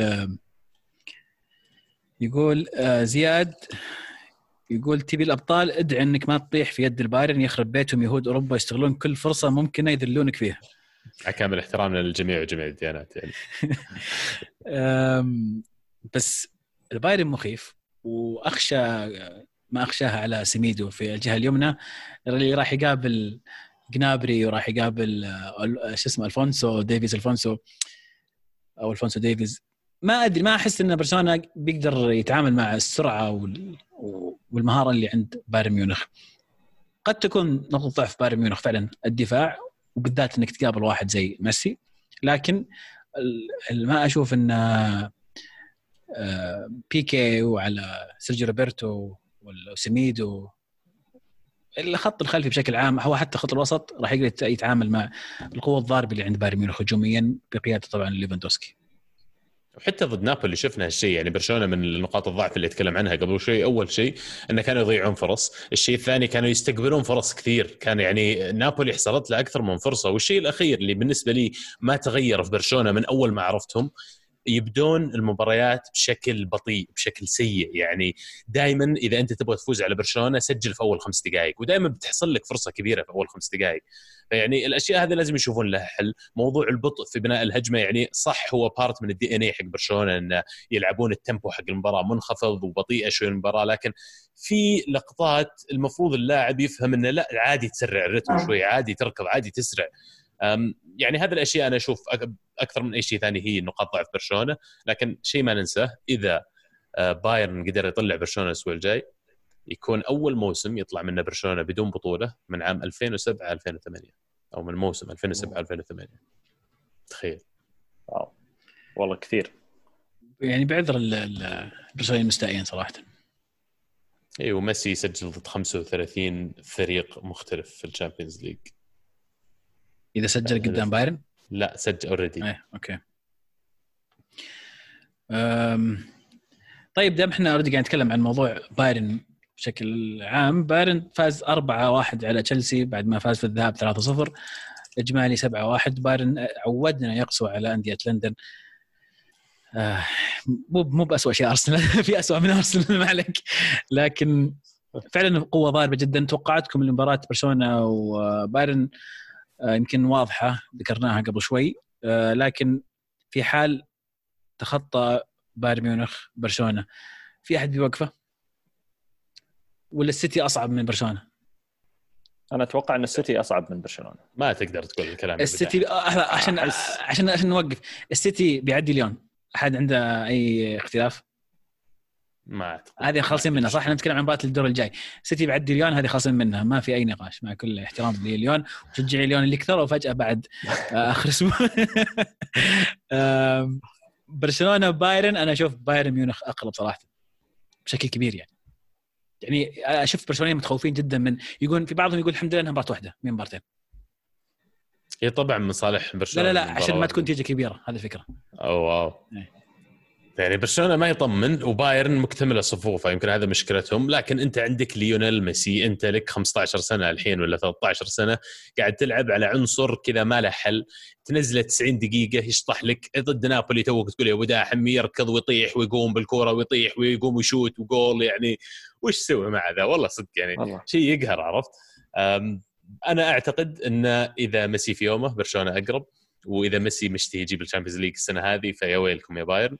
لكن في نفس الوقت ترى ليفندوفسكي ما يرحم زي ما مارتنز يرحم. ليفندوفسكي ما يرحم زي الأندية الثانية اللي تقابلونها تقابلونها في الليغا إذا كان برشلونة بدأ بداية بطيئة زي ما قلنا وحصل فرص البايرن أتوقع بيبتلون يسجلون جول ورا جول ورا جول ورا جول يعني حركات ألمانيا والبرازيل عرفت؟ آه عبد الرحمن. والله يعني أنا أتوقع ميونخ آه، أقرب. يعني إذا بنتكلم عن جاهزية الفريقين ميونخ جاهز ذهنيا لعيبة آه، حتى إصابات يمكن خفيفة. يمكن بواتينج وكومن أتوقع اللي فيه عليهم شكوك ولكن شكوك بسيطة جدا يعني انهم إنهم ما يلعبون. آه، ف يعني صراحة ميسي يخوف ولكن الله العظيم يعني أنا صراحة الشوط الأول أول ربع ساعة اللي سواه في نابولي تحس إنه فعلا بعد تصريحه الأخير اللي صرحه بعد آخر مباراة في الدوري الإسباني لما قال إن إحنا ما براضين على أدائنا ولا براضين على المستوى. وعلى فكرة ترى برشلونة قدام نابولي كان ناقص يعني يعتبر عنده نقص في الوسط يعني فيدال بوسكيتس كلهم كلهم ما كانوا موجودين فاضطر إنه يغير من طريقة يلعب راكيتيتش كمتأخر مع حتى وجود ديونج. آه رجعت ديونج برضه مهمة زي ما قال عبد الله جدا. سواريز برضو عودة للتسجيل حتى لو إنها من بلنتي برضو هذا يعطيهم دافع. آه يمكن العلامة السلبية أو الشيء السلبي الوحيد في في برشلونة هو جريزمان آه اللي كان يعتبر أقل اللاعبين يمكن عطاء في في في في مباراة آه، نابولي. آه، وبناء على ذلك أتوقع انه سيتين راح يغير من طريقته قدام مو مو بطريقة بقد ما هو عنصر آه قدام ميونخ بإشراك فيدال بدل جريزمان بحيث إنه يكون في أربعة في خط الوسط مع وجود ميسي وسواريز قدام. طيب آه، كملوا سواليف أنا قاعد أطلع النتائج حقتكم حقت التحدي. قاعد أصححها ال-. الأجوبة. تحس نسينا ما ما نسينا ترى. مستقعد عزيز ما ينقال له شيء ترى. المشكلة إني خسران بطلع أنا اللي ظاهر أشتريكم شاورما بس يلا. طيب. على ما أخلص تصحيح آه، أوراقكم. ال- المباراة القادمة أتلانتا PSG. ولايبزيج أت- أتلتيكو مدريد. توقعات سريعة وترى ما- والله- ما راح اسجلها ما عليك. أتوقع والله هي ما تسجلها بس أتوقع إن هناك يا أخي الجهة ذيك رواق أحسها. أتلانتا وبي اس جي عرفت؟ أتلتي ولايبزيج كذا نادي أندية جاية تطقطق. والجهه ذي وين طق ومطاحن يعني. ما أدري إيش بيصير بس أتلانتا يعني بيكون اختبار جيد أمام بي اس جي لكن قد تنتهي حكايتهم هناك. مبابي ما أدري إذا بيرجع يلعب لكن يبدو لي ما زال مصاب. وش آه، المضحك احتم- عزيز؟ أنا قاعد أشوف نتائج. نتائج يعني غريبة. هو في شخص واحد أقل من ال... طبعا المسابقة فيها أنا وعبد الله وعبد الرحمن وشامسي والم آه من الخمسة في شخص واحد بس جايب أقل مننا كلنا. فيعني مفصلة جاية مفصلة إنه هو اللي اللي يعزمنا على الشاورما. والله يستر. كلنا جبنا أربعة من أصل ثمانية صح؟ إلا الأستاذ عبد الرحمن جاب ثلاثة من أصل ثمانية صح؟ بدون شطة ترى أنا ها؟ من الحين. أنا شطة مخلل تكفى بالله؟ وش وش اللي اللي زبل فيها هو؟ عبد الرحمن حاط بي إس جي ريال مدريد ليفربول بايرن ميونخ فالنسيا يوفي توتنهام وبرشلونة. طبعا بي اس جي صح بايرن ميونخ صح بر- برشلونة صح اللي غلط ريال مدريد ليفربول وفالنسيا ويوفي وتوتنهام. وش اللي فرق معكم؟ وش اللي فرق معنا؟ أنا فرق معي لايبزج حاط لايبزج عبد الله فرق مع اتلانتا الباقيين حاطين مان سيتي ألمو شامسي حاطين مان سيتي إيه صح أوكي. لسه باقي باقي. ما في باقي خلاص هذه هي هذه حق شاورما. إيش فيك؟ باقي باقي صفي الشاورما صفي الأول ثم نروح اللي بعده. ابشروا والله ابشروا طيب لايبزج أتلتي. أه، أتلتي. في أحد يتوقع لايبزج؟ لايبزج أتلتي. آه صعبة والله. مباراة واحدة؟ مباراة واحدة حتى بي اس جي أتلانتا. والله أنا أحزنني أن إصابة حارس أتلانتا. آه، ما راح يشارك في هذه المباراة. ومتوقع احتمال كبير عودة مبابي للمشاركة في هذه المباراة. فصعبت شوي. على أتلانتا ولا كنت أنا- أنا أتوقع. متامل مفاجأة منهم. أتوقع أتلتي وبي اس جي في هذول الاثنين. بداحم؟ أتلتي بي اس جي أنا معكم للأسف. السنة الجاية يا عيال لما نجي نسوي نفس التوقعات ال- الثمانية أندية الحلقات اللي بعدها لما تجي بتتوقع المباريات اللي عقبها أي نادي ما رشحته يتأهل قبل ممنوع إنك ترشح النادي اللي فاز عليه عرفت؟ فأنت. الفول مارك حقك أقل يعني. إيه إيه. فحين؟ يعني أبو داحم ما يدي يرشح إلا ثلاث فرق. اي وإحنا ما نقدر نرشح إلا أربعة. بس أي. إذا جاب هو ثلاثة صح الجاية إيه. وإحنا مثلا غلطنا في ثلاثة إحنا ننكب ما نقدر نختار له فريق واحد. أنتم اللي تجيبون. يبغى. لا لا شوف لا تحاول. شاورما انحطت لو سمحت خذ الطلبات. شوف لك يوم. يفضل توصل لك واحد البيت عشان التباعد وكذا. وخلاص. بخلي شامسي والمو يسوون لك text يا بداحم الظاهر ما. يحبون كاتشب كذا اي ترى عشان في طلبات غريبة. تأكد من شيء وش يبي. طيب ودي أخش على الهاشتاج قبل ما ندخل على الدوري السعودي. إيش رأيكم؟ ناخذ مشاركات هاشتاج عن الموضوع حلو. الأبطال. أه، بدر يقول إحصائية غريبة. يقول لك من انتقال رونالدو لليوفي جميع أهداف يوفنتوس في الأدوار الاقصائيه مسجلها رونالدو. طيب إذا كان رونالدو مو بيومه إيش راح يسوي ساري؟ راح يقطع بصل لأن ساري تمت اقالته كارمن يقول من غير معقول إنك تجيب مدرب بعقلية مختلفة تماما وتنتظر نتائج فورية. من أليجري المتحفظ واللي ممكن يمشي الفريق بأي عناصر لساري وكرته الهجومية والمثلثات الخطأ. الخطأ بدأ من جيبة رونالدو برأيي اللي بسببها خسر الفريق ماليا واضطر يغير عقليته وتخلى عن ماروتا بسببها. يعجبني لما يكونوا فاهمين. إيه، والله بس, يعجبني بس ماليا ماليا ترى ما أتوقع. أتوقع ما بالعكس أتوقع إيش؟ اليوفي خسر ماليا. أتوقع إنه مو بخسر إي مو بخسر عزيز بس حط في بالك. أنت مثلا ما تقدر تدفع كرواتب لل- للاعبين أكثر على سبيل المثال من 400 مليون في السنة. فجيبه هذا اللاعب زي ما قلت أنت معناته انه لازم ألعب ناس أنا جنبه زي ما تويدي ولا زي مدري مين لأن أنا already حطيت ثلث الميزانية في لاعب واحد ولا ربع. آه تركي يقول توقعاتكم برشلونة بايرن ميونخ قلناها. مبروك إقالة ساري و hard luck خروج من ليون يا عزيز. شكرا لك بدلك ما يجيك. هل تتوقع نجاح بيرلو؟ كل هالكلام اللي قلنا ترى ما قلت لكم أتوقع نجاحه ولا أتوقع فشله لكن يعني أتمنى العاطفة عندي تقول إنه بينجح لكن أتوقع بكل واقعية بين راح يكون موسم عادي جدا. ما أستبعد إنه يخسر يوفي الدوري لأن الفرق الثانية قاعدة تتحسن وما عند بيرلو الخبرة الكافية إنه يغير من الفريق أو يقود الفريق على عشر شهور. أتمنى أتمنى إن لو راح الدوري ممكن فجأة يفاجئنا في ال Champions League يفوز بال Champions League ما أدري. أتمنى المشكلة أنا ودي ودي أحد يتعاطف معي على تعليق عزيز هذا بس ذا المدريدي بعد مو بعارف يتعاطف معي. لاحظ يخسر يوفي الدوري مو بيفوز بالدوري. الدوري حقنا أصلا لكن ممكن نخسره بعض الأحيان يعني. سنوات عرفت ال default هذا الفرق؟ اي حامل اللقب قصدي كحامل. اللقب. اي ما أدري بس يعني نفس الشيء ذا المدريدي ما يعرف يتعاطف معي عرفت لا والله. يعني؟ وش يعني دوري؟ يعني مو أربعة Champions عرفت؟ عاد اسمع عاد كنت بعلق كنت بقول يعني موسم غير ناجح بس دوري يعني ياخذ الدوري بس هذا يعتبر يا سلام. وين موسم؟ بس بس Champions League واحد في الموسم وش السالفة يعني ترى ترى دخلونا Europa League معكم نلعب. ترى صدق ترى اللي قاعد يصير في اليوفي أول مرة اليوفي يقيل مدربين وكلهم جايبين الدوري ورا بعض. أو في موسمين متتاليين. فشيء شيء غريب. ولما تقيسها من منظور خارج زي ما قلت عبد الله قاعد تجيب الدوري إيش قاعد تسوي؟ قاعد تقيل يعني. مو لكن الاهداف تغيرت ال Champions League. أنا يمكن هذه ما تكلمنا عليها. ترى إذا صار ال Champions League هدف بفريقك يبدأ يدحدر زي اللي صار في مدريد و700 إقالة. ما أتعاطف معكم ما أتعاطف معكم. لا قبل- قبل. تعاطف. معليش لا قبل قبل ولا 2000 الحين قسم 2014. بالله شيء ناس spoiled يا أخي. طيب اوفر ادكس يقول مع احترامي لبيرلو لكن ابدا مو وقته من الواضح إن اليوفي اهدافها الأبطال وجايب كريستيانو على أساس إنه يجيب الأبطال. طبعا مو لاعب واحد راح يجيب البطوله لكن أنت تسوي كل تقدر عليه عشان تأخذها.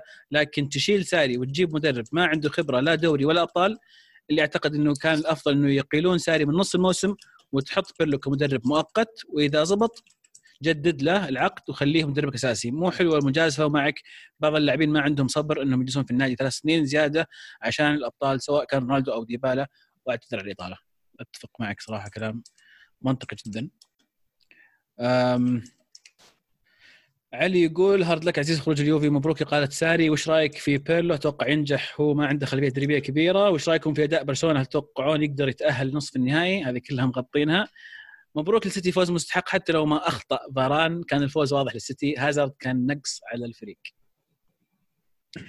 آه، أتفق. الواضح إن هازارد ما كان جاهز 100% والغريب أكثر انه صبر عليه إلين الدقيقه يمكن 80 على على أساس ما غيره.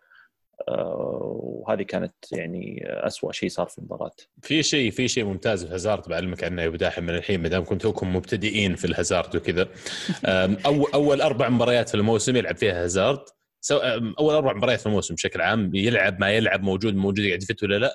هو اللي يبين لك إيش بيسوي باقي الموسم؟ فجت أول مباراة أربع مباريات لقيته مصاب ويلكلك ولا مو بعارف يلعب ولا غيره أعرف ان الموسم هذا أمسح من هازارد يمكن آخر جولة في الموسم يسجل لك جول ولا جولين إن شاء الله. بس إنه يعني من أولها عرفت؟ بناخذها من قصرها طيب في وجهة نظر مختلفة. محمد يقول تعيين بيرلو مدرب ليفا أتوقع يكون قرار إيجابي في آخر فترة. شفنا الأندية الكبيرة اللي عينت لاعبين سابقين أغلبها تكون لمصلحة الفريق واللاعبين يقاتلون للمدرب وتقل مشاكل الغرف في الملابس. زائد اليوفي بيلعب الموسم القادم بضغوط أقل. هل فعلا ضغوط أقل؟ ما أدري. آه، ما أدري. يمكن الاكسبكتيشنز أو التوقعات من الفريق أقل. يمكن هذا ال- آه، صح صحيح لكن في نفس الوقت يعني أنا أنا أحس شخصيا إنه في عاطفة في الموضوع نوعا ما. يعني أنا بالنسبة لي يعني لو تضرب مثال بزيدان آه لو زيدان مثلا أخفق في موسم مستعد إني أصبر عليه. عادي. آه إذا كان عنده البوتنشل إنه ممكن ينجح أو أو في بوادر نجاح ممكن أصبر عليه الموسم الثاني حتى لو في هذا الموسم ما حقق ما حققت شيء. آه لكن ما أعرف إذا هذا ينطبق على اليوفي ولا لا ولا مقارنة بالتجارب الثانية يمكن تكلمنا عنها قبل إنه المدربين الثانيين اللي نفس الفكرة أو لاعبين سابقين في الأندية خاضوا تجارب معينة. يعني لو على الأقل أقل واحد فيهم يمكن درب سنة في في في فريق بيرلو. آه، للأسف إنه ما درب ولا مرة وهذا الشيء السلبي اللي ممكن يكون يأثر على على بيرلو مع اليوفي. آه، طارق يقول أشوف بيب لو يروح لليوفي راح تكون خطوة للخلف. ما أقول الس... ما أقول السيتي أفضل من اليوفي لكن الفوز في البطولات في إنجلترا أصعب والإشادة راح تكون أكبر من إيطاليا بكثير. بالذات لما تكون مع فريق ما حقق الكثير ومستعد يوفر لك كل شيء. أشوف أفضل خيار التجديد. والله شوف بيب, بيب أتوقع وأنت وأنت يوفاوي يعني أحس إنه ما في أحد بيرفض بيب زي ما زي زي الكيس آه، على كريستيانو. إنه لو جاء انعرض على كريستيانو ما راح تقول لا والله أنا بال مليون حقت كريستيانو بجيب لاعبين ثانيين واظبط الفريق وذا. يعني أتوقع انها نادر ممكن تصير. ونفس الحالة أتوقع على بيب لكن تأكد إنه بالمقابل برضو بيب ما راح يجيك إلا إلا أنت ضامن له إنك بتوفر له كل اللي هو يبغاه وكل اللي هو بيطلبه. واقعيا يا أخي. الأهداف ترى تختلف الأهداف يعني مو بس كذا يعني. لا تقارن إنك تجيب الدوري مع السيتي كهدف للسيتي مع إنك تجيب الدوري مع اليوفي. أوكي ممكن الدوري الإنجليزي أصعب لأنه اليوفي مسيطر لكن أنت تجي اليوفي بتجيب ال Champions هذا هدفك.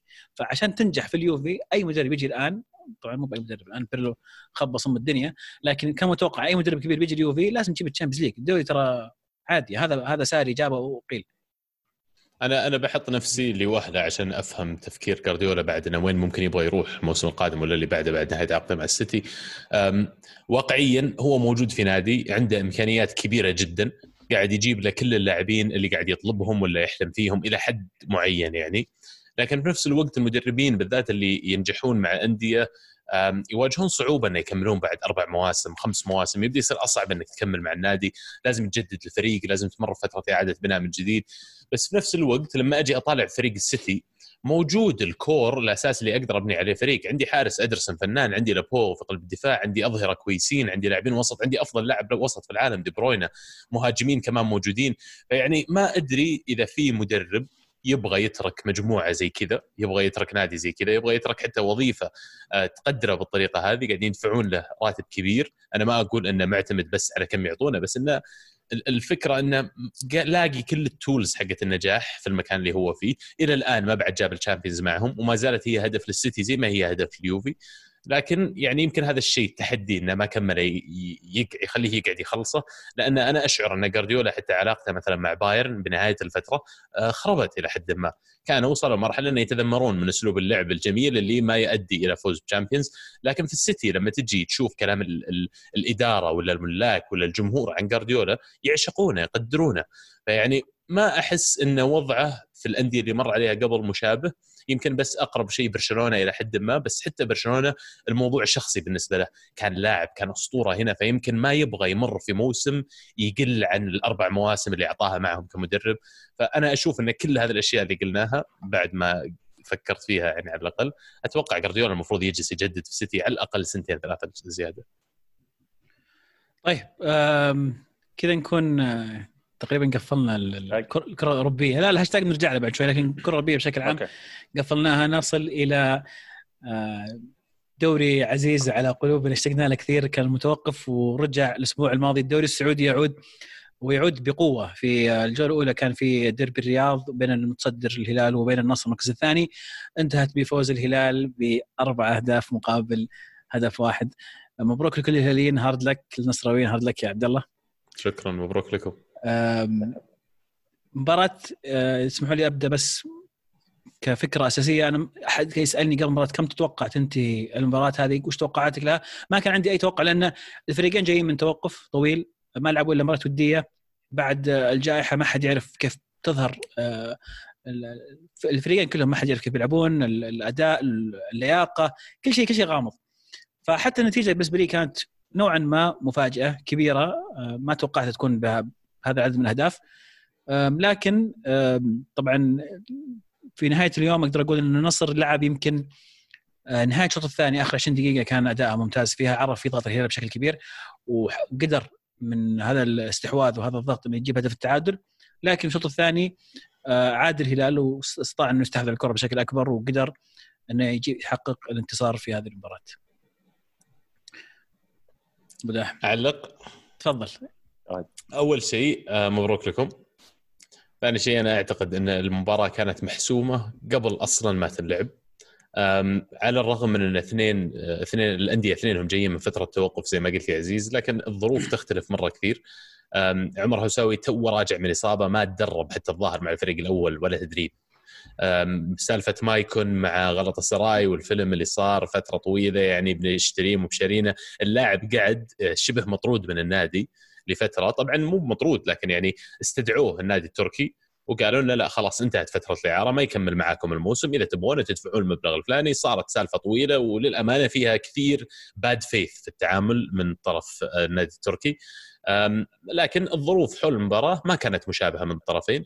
طبعا أنا برضه ما أبغى أدخل في ال details على التحكيم اللي صار في المباراة بس كان في أشياء يعني أفلام أثرت على نتيجة المباراة وعلى الرغم من هذا كله أشوف النصر يعني دخل الشوط الأول على الأقل طلع بمستوى فعلا قدر إنه يعني يطلع بنتيجة ممكن تصير في صالحه حتى الشوط الثاني. الهلال أجهز عناصريًا. الهلال اللاعبين على الرغم من فترة التوقف لكن واضح أقدر لو قبل ثلاث أسابيع جيتك وقلت لك من ال 11 اللي بيلعبون اساسيا ضد النصر لما يرجع من التوقف بتقول لي ال 11 كلهم واحد واحد. الكرت الأحمر أنا أشوف المفروض على البليهي بدري مرة في المباراة. الشهراني في أول لقطة ظاهر في المباراة برضو قصبة قوية يعني أنا ما أقول أحمر ستريت لكن علق الاصفر الحكم ما أعطاه شيء. أنا أشوف المباراة يعني ما كانت عادلة للنصر لكن على الرغم من هذا كله انحسمت قبل ما تلعب المباراة أنا أشعر.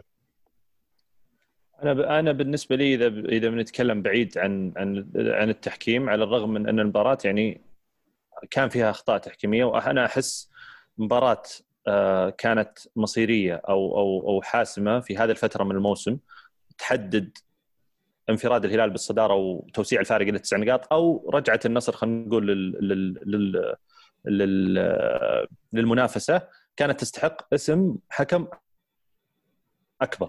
آه، تمام؟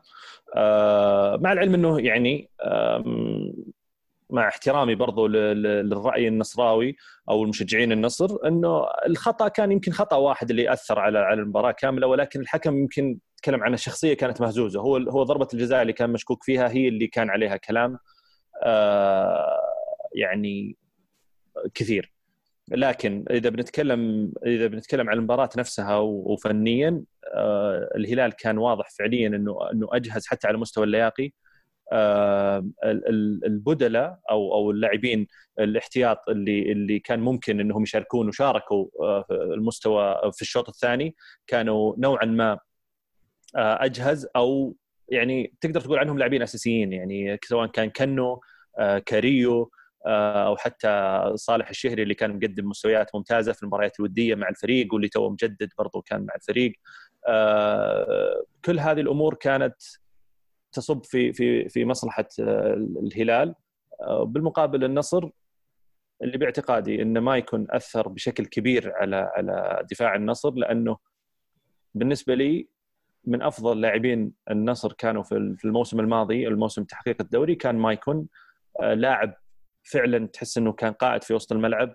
حتى على مستوى خروج الكورة آه، على مستوى الوقفة الدفاعية على مستوى دائما إذا كان في مدافع ممتاز غالبا تحس إنه يطور أو يساعد في في ثبات مستوى المدافع اللي معك فهذا شيء إيجابي. حتى شفنا عمر هوساوي يمكن الموسم الماضي كان مقدم أداء جيد نوعا ما آه، فدائما ترتاح لما يكون معك مدافع. لكن مشاركة عمر هوساوي ورجعته يمكن بعد فترة وقطعة وعامل السن برضو مع لاعب صغير آه، يعني مستواه جيد نوعا ما أثرت وما كانت فيه الخبرة اللازمة.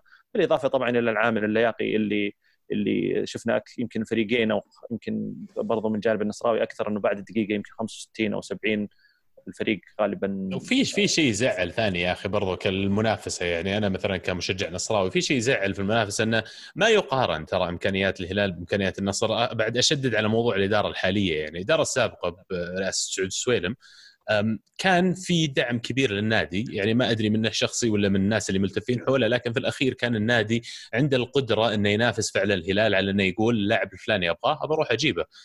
لكن ال ال الوضع الحالي وحتى يعني على مدى ال 10 أو 15 سنة ماضية اللي صاير إن الهلال أي نادي وأي أي لاعب يبغاه بالذات السعوديين أي لاعب يبغاه يقدر يجيبه. واللي انتهى هذا الموضوع بأن اليوم الهلال عنده خط الوسط حق المنتخب السعودي أفضل لاعبين سعوديين في خط الوسط في الهلال. ما فيها كلام. أفضل لاعبين سعوديين في خط الدفاع يعني موجودين في الهلال. حتى يعني لو كان فيه مهاجم عليه الكلام آخر واحد يعني يمكن ياسر لكن لو في مهاجم سعودي عليه الكلام اللي بيشيل فعلا الهجوم راح يكون في الهلال ترى. فيعني هذا الشيء ما يساعد المنافسه أنا أحس. للأسف النصر النصر قاعد يسوي كويس. آسف بس النصر قاعد يشيل لعيبة ترى كثير من الهلال الحين. الحين الفترة الماضية هذه هذا عبد الفتاح عسيري آخر واحد. أنا ما أبغاه. فتاح عسيري أنا مو مقتنع فيه. أصلا هذه النقطة حقتي. جاي تسكتني بلاعبين. أنا أظن إن الهلال أصلا ما يبغاهم ترى. كلام داخل فيها كلام بس خليك تروح تجيبه. يعني أقنعني إن هذا فعلا أفضل لاعبين السعوديين. he's not أنا ما أعتقد ذلك. ويعني أشوف إنه مشكلته مو في الهجوم. فليش راح تجيب لي فتاح فتاح عسيري؟ وهذا مشكلتي في الإدارة. مو سالفة تروح تجيب لي اسم. أكثر اسم mention في ال social media عبد الفتاح أروح أجيبه عشان أسكتك. لا يا أخي. اشتغل صح والعالم تمشي وراك. يعني ما أدري وش أقول أكثر بس إن اليوم ما أشعر إن المنافسة on par كأني أقول أنا أتلتيكو مدريد أنافس ريال مدريد. مو منطقي يعني. يمكن أفوز عليك مباراة موسم اي بس إنه يعني على المدى الطويل ما نب ما نب منافس يعني إمكانياتي بالحجم الإمكانيات اللي موجودة عندك. طيب الفرق الآن تسع نقاط باقي سبع مباريات بين الهلال والنصر. انحسم الدوري ولا؟ اي أتوقع. يعني لازم الهلال يخسر خمس مباريات من السبعه الباقية. مرة كثير. إيه، يخسر أربعة. أربعة عشان آه. يتعادلون والهلال اللي عنده أفضلية. ثلاثة عشان يتعادلون. اي ثلاثة يتعادلون. تسع نقاط الفرق اي تسع ثلاثة يتعادلون. كثير أكثر من النص يعني تبي تقنعني بيخسرون أكثر من النص الباقي. والجدول المباريات اللي باقية ما هي أصلا يعني أصعب شيء في الدوري. إيه لا الهلال بيلعب لازم النصر ما ينهزم أو يتعثر يعني لازم النصر يفوز يعني برضو. ما عندي مشكلة تفوز أوكي بس الهلال ما راح يخسر أربع مباريات من أصل سبعة أنا ما أعتقد يعني. طيب من مباراة آه، المتصدرين إلى مباراة الثالث مع أحد الفرق اللي تنافس على الهبوط. آه، ديربي جدة الأهلي أمام الاتحاد. آه، انتهت بفوز الأهلي 2-1 على الاتحاد. يمكن الأهلي آه، في منطقة دافئة زي ما يقولون له يحاول يتصد أو له قريب من الصدارة ولا هو في خطر إنه يطلع من الأربع الأوائل. لكن الاتحاد في المركز ال 13 فرق نقطة واحدة عن مناطق الهبوط أو حتى أو مناطق التصفيات. أو الآن في ظاهر منطقة التصفيات صحيحني إذا غلطان عبد الرحمن لكن قد يكون مركز 13 يلعب في التصفيات صح؟ مع الثالث؟ شوف الموسم هذا موسم يعني مختلف بجميع المقاييس وفي احتمال في كلام طلع إنه في احتمال إنه يلغى الهبوط. وممكن يطلع فريقين مباشرة من من الدوري كأس الأمير محمد بن سلمان الدرجه الأولى وفي كلام يقول لك لا آه راح يستمر ينزل ثلاث فرق وتطلع ثلاث فرق آه ويلعب بالمركز هذا التصفيات ف غالبا راح تتحدد بشكل كبير في في نهاية الموسم. طبعا يقول لك هذه أسوأ سلسلة من المباريات ما بين الأهلي والاتحاد. بالنسبة للاتحاد 17 مباراة في الدوري المحترفين آخر 17 مباراة بين الاثنين الاتحاد ما فاز ولا واحدة. ظهر تعادلوا سبعة وخسروا وفاز الأهلي تسعة. يا ساتر والله كثير. أنا أنا أنا ودي أسأل سؤال بهذا الموضوع يعني بشكل يعني سريع. أحس إنه في كثير من المتابعين أو الشباب يشجعون الاتحاد ودائما يسألون عن الاتحاد في, في الهاشتاج. ف وش الحل لوضع الاتحاد الحالي من من وجهة نظركم؟ يعني وحتى حتى يمكن قرينا كثير عن في البرامج الخاصة بالكرة السعودية واللي يتكلمون. في ناس تقول والله الإدارة في ناس تقول والله المدرب في ناس تقول والله ما في لاعبين معينين. بس الفريق قاعد يمر بهذه المرحلة السيئة يمكن من أكثر من ثلاث أربع إلى خمس مواسم وكل واحد له رأي معين. أنتم من وجهة نظركم وش الحل عشان يعود الاتحاد أو عشان يرجع الاتحاد؟ يعني شوف الحل ما أقدر أقول لك ما أقدر أعطيك حل لكن أنا أقدر أقول لك أنا وش لاحظت إن المشكلة من الأندية اللي ما فيها اتفاق أو التمام حول الفريق اداريا أو حتى من أعضاء الشرف كان نادي الاتحاد. نشوف في الهلال مهما تغير الرؤساء دائما في التفاف التفاف حول الرئيس أو خلينا نقول غالبا ما يكون في اتفاق على ترشيح فلان ليكون رئيس الهلال وندعم هذا الرئيس. نفس الشيء في النصر يمكن كان في يمكن مو 100% يمكن 50% لكن على الأقل ما في عدة أطراف. نفس الشيء في الأهلي. الاتحاد تشعر إنه في 10 أطراف وكل طرف الحاله يشتغل فلما يمسك أحد الأطراف سواء كان من ما كان من الأسماء السابقة تشعر إنه يعمل الحاله تماما والباقيين ما حتى ما يحاولون يدعمونه ما أبغى أقول أدخل في النوايا إنه يقول بعض يحاول يحفر له ويورطه لكن البعض ما كان يعمل يحاول يساعد رئيس الاتحاد الحالي.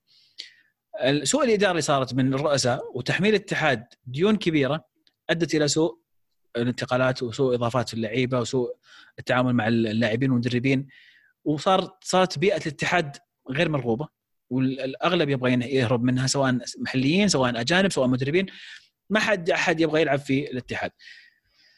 الحل ما أدري وش هو الحل صراحة لكن بطريقة أو بأخرى لازم يكون في التفاف حول شخص يكون هو رئيس الاتحاد وهذا الشخص لازم يكون على قدر المسؤولية وقدر المهنية إنه فعلا يقود نادي آه، الاتحاد بشكل ممتاز اداريا ماديا وفنيا. الموضوع مو بس كورة ما هو بس تعيين مناصب. الموضوع المالي ترى متعب متعب. إذا اللاعب ما استلم رواتبه فتره طويلة ما راح يلعب لك ما راح يقدم لك. في الاخير هذا هذا رزق وهذا وظيفة. فما يقدر إنه ست شهور سنة ما ما تعطيه رواتب وتوقع منه يعطيه كل كل اللي عنده. يعطيك كل اللي عنده. ودي أسمع منك يا أبو دحم لا شوف أنا أحس إنه المشكلة اللي كانت في الاتحاد الثلاث أو إلى خمس سنوات الأخيرة كانت استعجال النتائج. بعد الفترة الانتقالية اللي مر فيها من تحقيق بطولات ونجوم وإلى فترة هبوط مستوى كان دائما الإدارة اللي تجي تحاول تلقى حل سريع مؤقت ممكن يساعدها في موسم أو أو موسمين بالكثير. وتصدف إنه خلال الموسم هذا أو موسمين يحققون كاس سواء كان كاس ولي العهد سابقا أو كاس الملك. فبالتالي لما أحقق كاس نهدى شوي الجمهور يهدى الإدارة تهدى. فنبدأ السنة الجاية نشتغل على نفس الوضع اللي هو أساسا غلط. فنرجع تبدأ تطلع المشاكل مرة ثانية فنبدأ ندور حلول مؤقتة وبعدين لما ندور حلول مؤقتة تطلع نتائج مؤقتة وبعدين ترجع تنزل.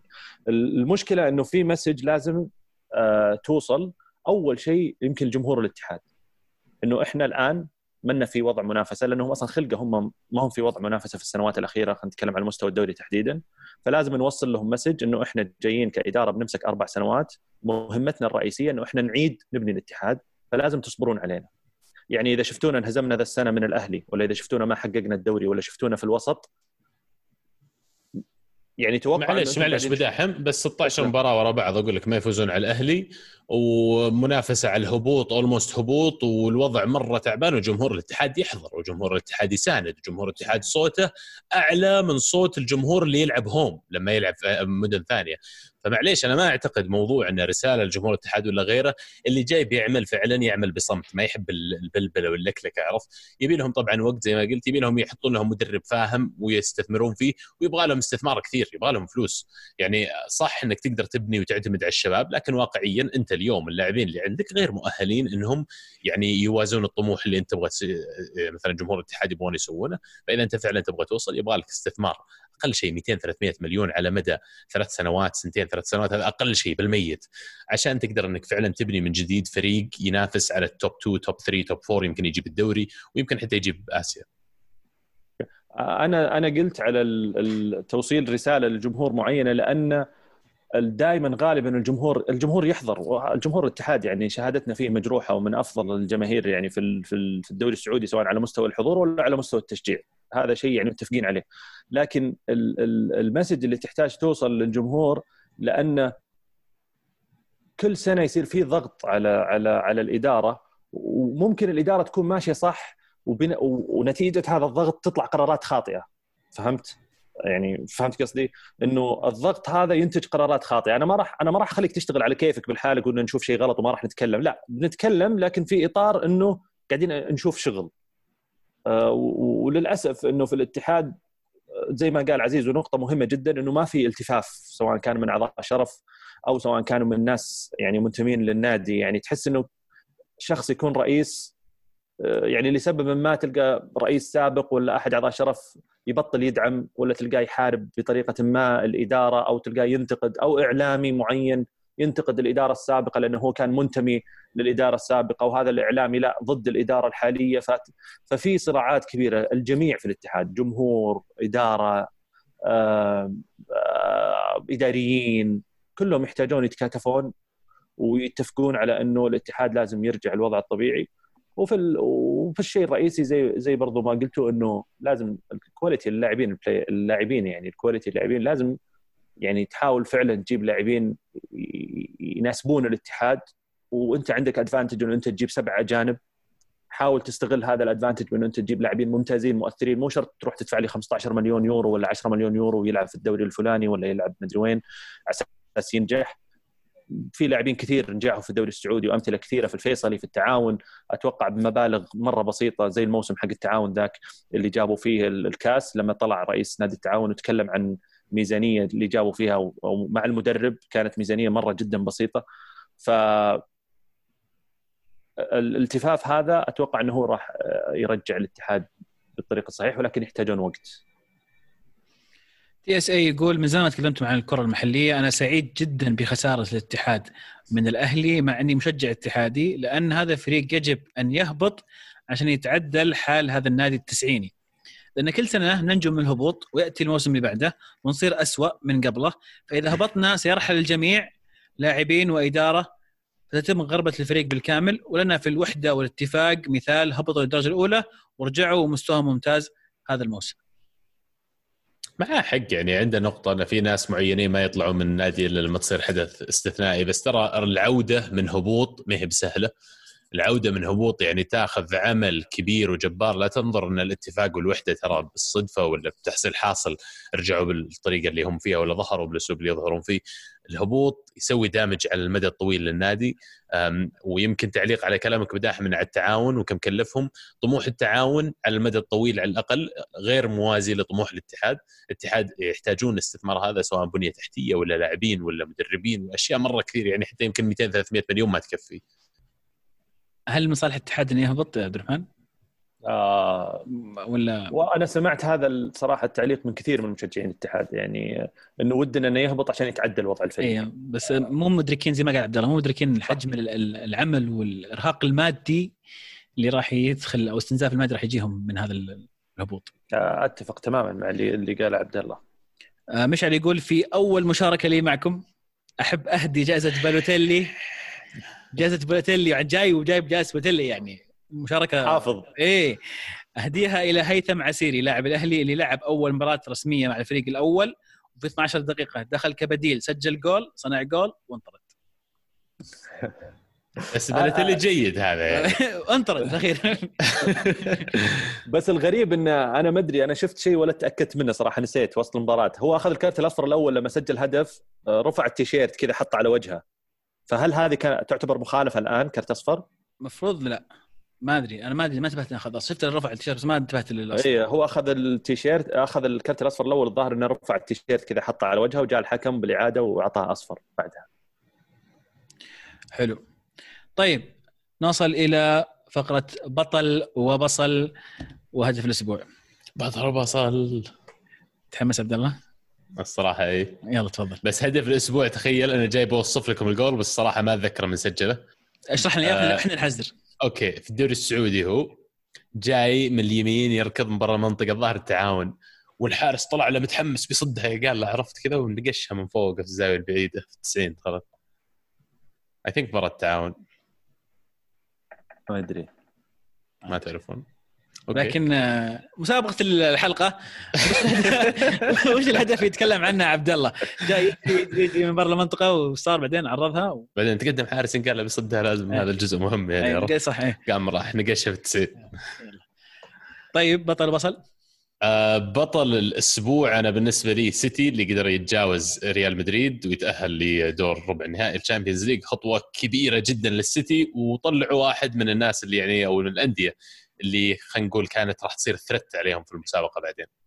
آه، بصل الأسبوع بلا شك آه، اليوفي وإدارة اليوفي وقرار إقالة مدرب اليوفي وقرار تعيين مدرب اليوفي الجديد. والفيلم هذا كل القرار اللي اتخذ بليل وبعدين قاموا وسووه يوم ثاني الصبح على طول. أنا أشوف هذا يستاهل بصل لأنه تصرف أرعن ما ينم عن تخطيط طويل المدى.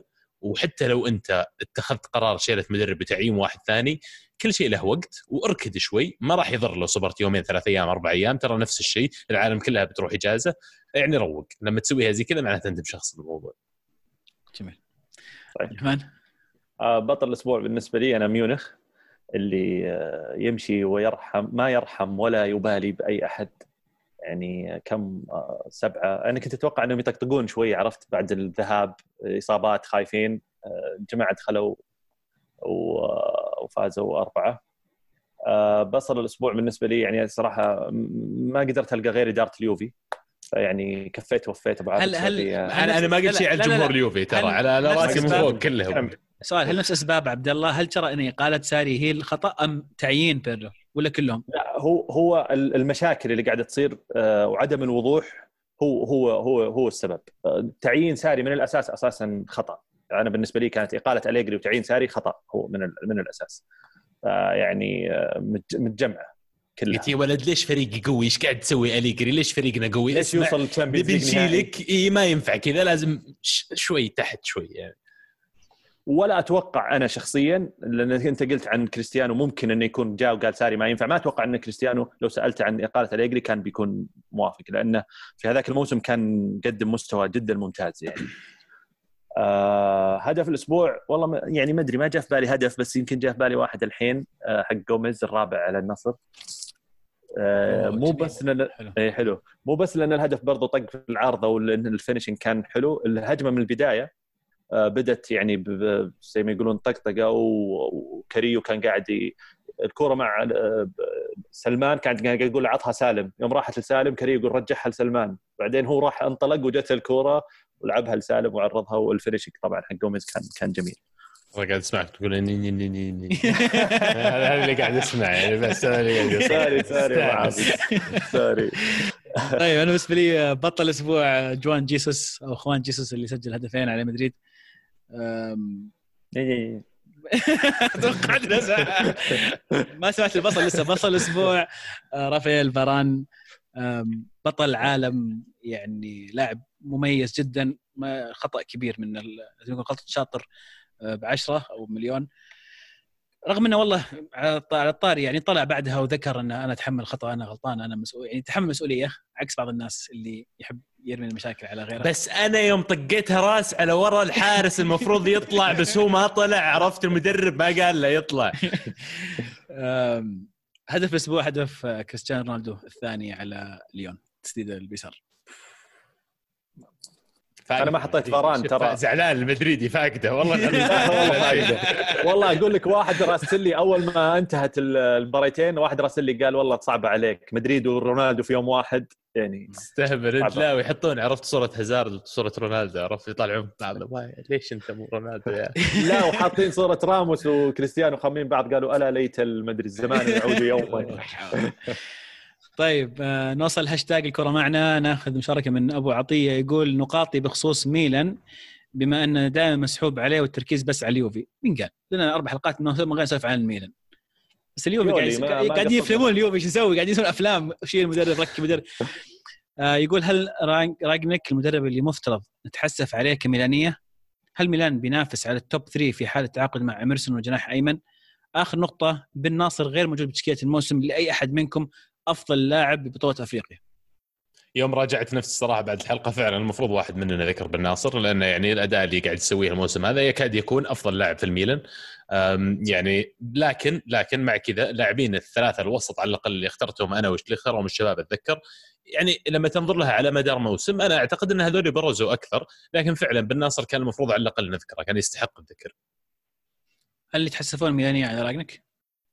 ما أعتقد لأنه يعني في الأخير صح مدرب تقدر تسوي فرق وحماس وبروجكت وغيره لكن إذا كان توجه الإدارة عندك غير يعني مستقر واضح إنه فعلا كم يبغون يستثمرون وين يبغون يروحون بالنادي خل اللي عندك أفضل ما دام بدأ يمشي حاله وما دام بدأ يسوي كويس وهذا الموضوع اللي يرجع على موضوع اليوفي وساري وغيره ما دامك مستقر خلاص خلي الاستقرار زين. الفريق بدأ يأدي الفريق فيه شباب آه، خروج مدرب وجية مدرب ترى لو تصبر سنتين ثلاث سنين تصير بطريقة طبيعية ينتهي عقده وخلاص ما تجدد ويمشي وكل شيء معروف مستقر.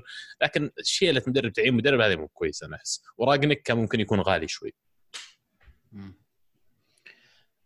ينافس على ال top 3 الموسم القادم؟ ما أعتقد. ما إذا في حال هو طبعا ذكر في حال التعاقد مع إيمرسون وجناح أيمن. أنا أحس ميلان يحتاجون لاعب جناح أيمن هجومي. يعني مع اميرسون مين حق تشيلسي؟ أتوقع. بيتيس ظهير آه حق بتيس يس يس اميرسون آه. ستيل. يعني ما عار احس من برشلونة يعني أوكي ممكن يحتاجون ظهير مع إنه مم أوكي لكن أنا أشوف إن المشكلة قدام أكثر آه، أنت اعتمادك كبير على زلاتان وزلاتان 38 سنة الحين راح يصير 39 آم، ريبيتش كويس حركي ممتاز لكن من غيرهم في عندك لياو صغير وكثر الكلام إنه ممكن يطلع آم، اسمه البرازيلي؟ باكيتاو؟ اسمه البرازيلي؟ فكيتا باكيتا. باكيتا. باكيتا إيه. برضه ممكن يطلع إعارة. يعني تشالهانوغلو شفناه تحسن في آخر الموسم لكن أحس مراهنه كبيرة. أحس ميلان يحتاج لاعب هجومي إضافي. مو غلط يكون أه، رقم تسعة صريح أو يكون مثلا أه، جناح هجومي. تيمو. فيرنر كان perfect لهم بس إنه يعني ما تقدر تجيب تيمو فيرنر هذا المشكلة. أعطيك مصادري الخاصة الميلانية تقول مين يفاضل عطني صديق. شكلك صديق صديق مالديني أنت. كيزا أوه مناسب والله. خذها مني. إعارة بيعيرون باكيتا أو واحد أو لياو لفيورنتينا وخذ كيزا ممتاز. يجي. سجلها علي. تكفى أوف أوف وش عنده هذا اللي مكلم مدير إيه أعمال لا شو- مره مرة واثق يا. مرة مرة تشوف انت ما إيطالي أنت فيك عرق. على خفيف مافيوسا على وأنا ما. أدري يا عمي عروقنا اسمع. فيورنتينا يقول لك فلورنسا الحين. اسمع الفلسفة. من قراءتي للمشهد تقول إن كيزا قريب من الميلان. أنت تتابع تتابع قناة آه، قناة 24 واجد ولا شو وضعك بالضبط؟ لا وش 24 ما أدري جي حق الدوري السعودي ذا اللي تكون من مصادري الخاصة ومن معارفي. آه لا لا لا. من مشا... المشاهدة وش هي مصادي مشاهدي الخاصة ولا وش نسيت أنا بعد. مصادري الخاصة. لا لا هو قال هو قال شيء قال شيء صح قال شيء خرافي. إيه. قال من مشاهدة المشهد مدري شو متابعة المشهد ولا؟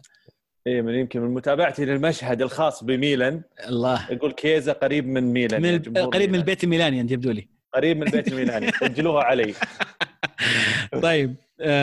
معاذ يقول أتمنى من الأخ عزيز يبقى على موقفه ولا يغير رأيه وما يتكلم عن بطولات تافهة زي الدوري الأوروبي ولا يوزونك الاثنين اللي معك. سؤالي كم عضو من أعضاء الكرة معنا ناديه موجود بالأبطال من تتمنون يحققها أنا أقول له شجاع لا تحذف لا تحذفها. شجاع خلها. الله أنا أخوك يا معاذ ما عاد بقى أحد فريقه في الأبطال. ما إلا أحد. مدري يشجع أتلانتا ولا برشلونة هنا ولا؟ أنا رشحت أتلانتا فيعني أحس انه في لي جزء من الانتصار حقه والله صح عليك انت الوحيد اللي اتلانتا برافو. واضح يا عزيز. ما أدري أنتم اللي يعني ما أدري إيش قاعدين تسوون أنت انت تت- أنت قريب تمشون من- عكس تيار. قريب من البيت الاتلانتي يبدو لي إحنا إحنا قريبين بداحم ترى والله ما ننافسك على إيطاليا أنت راح الأول ترى تعرف يعني ما نتقدم عليك. لا تدري في ناس غريبة مشجعين مدريديين متعاطفين مع أتلتيكو سيميوني. قالوا خلاص دام مدريد طلع وما في رونالدو في هذا. نشجع يعني- اتلتي يا شيخ. ودنا نشوف سيميوني ياخذ ال Champions League والله غريب. أيوه سيرجي يقول وين تتوقعون بن رحمة راح يروح بعد خسارة نهائي ال playoff؟ بن رحمة حق مين؟ حق برنت آه، برنتفورد أوكي.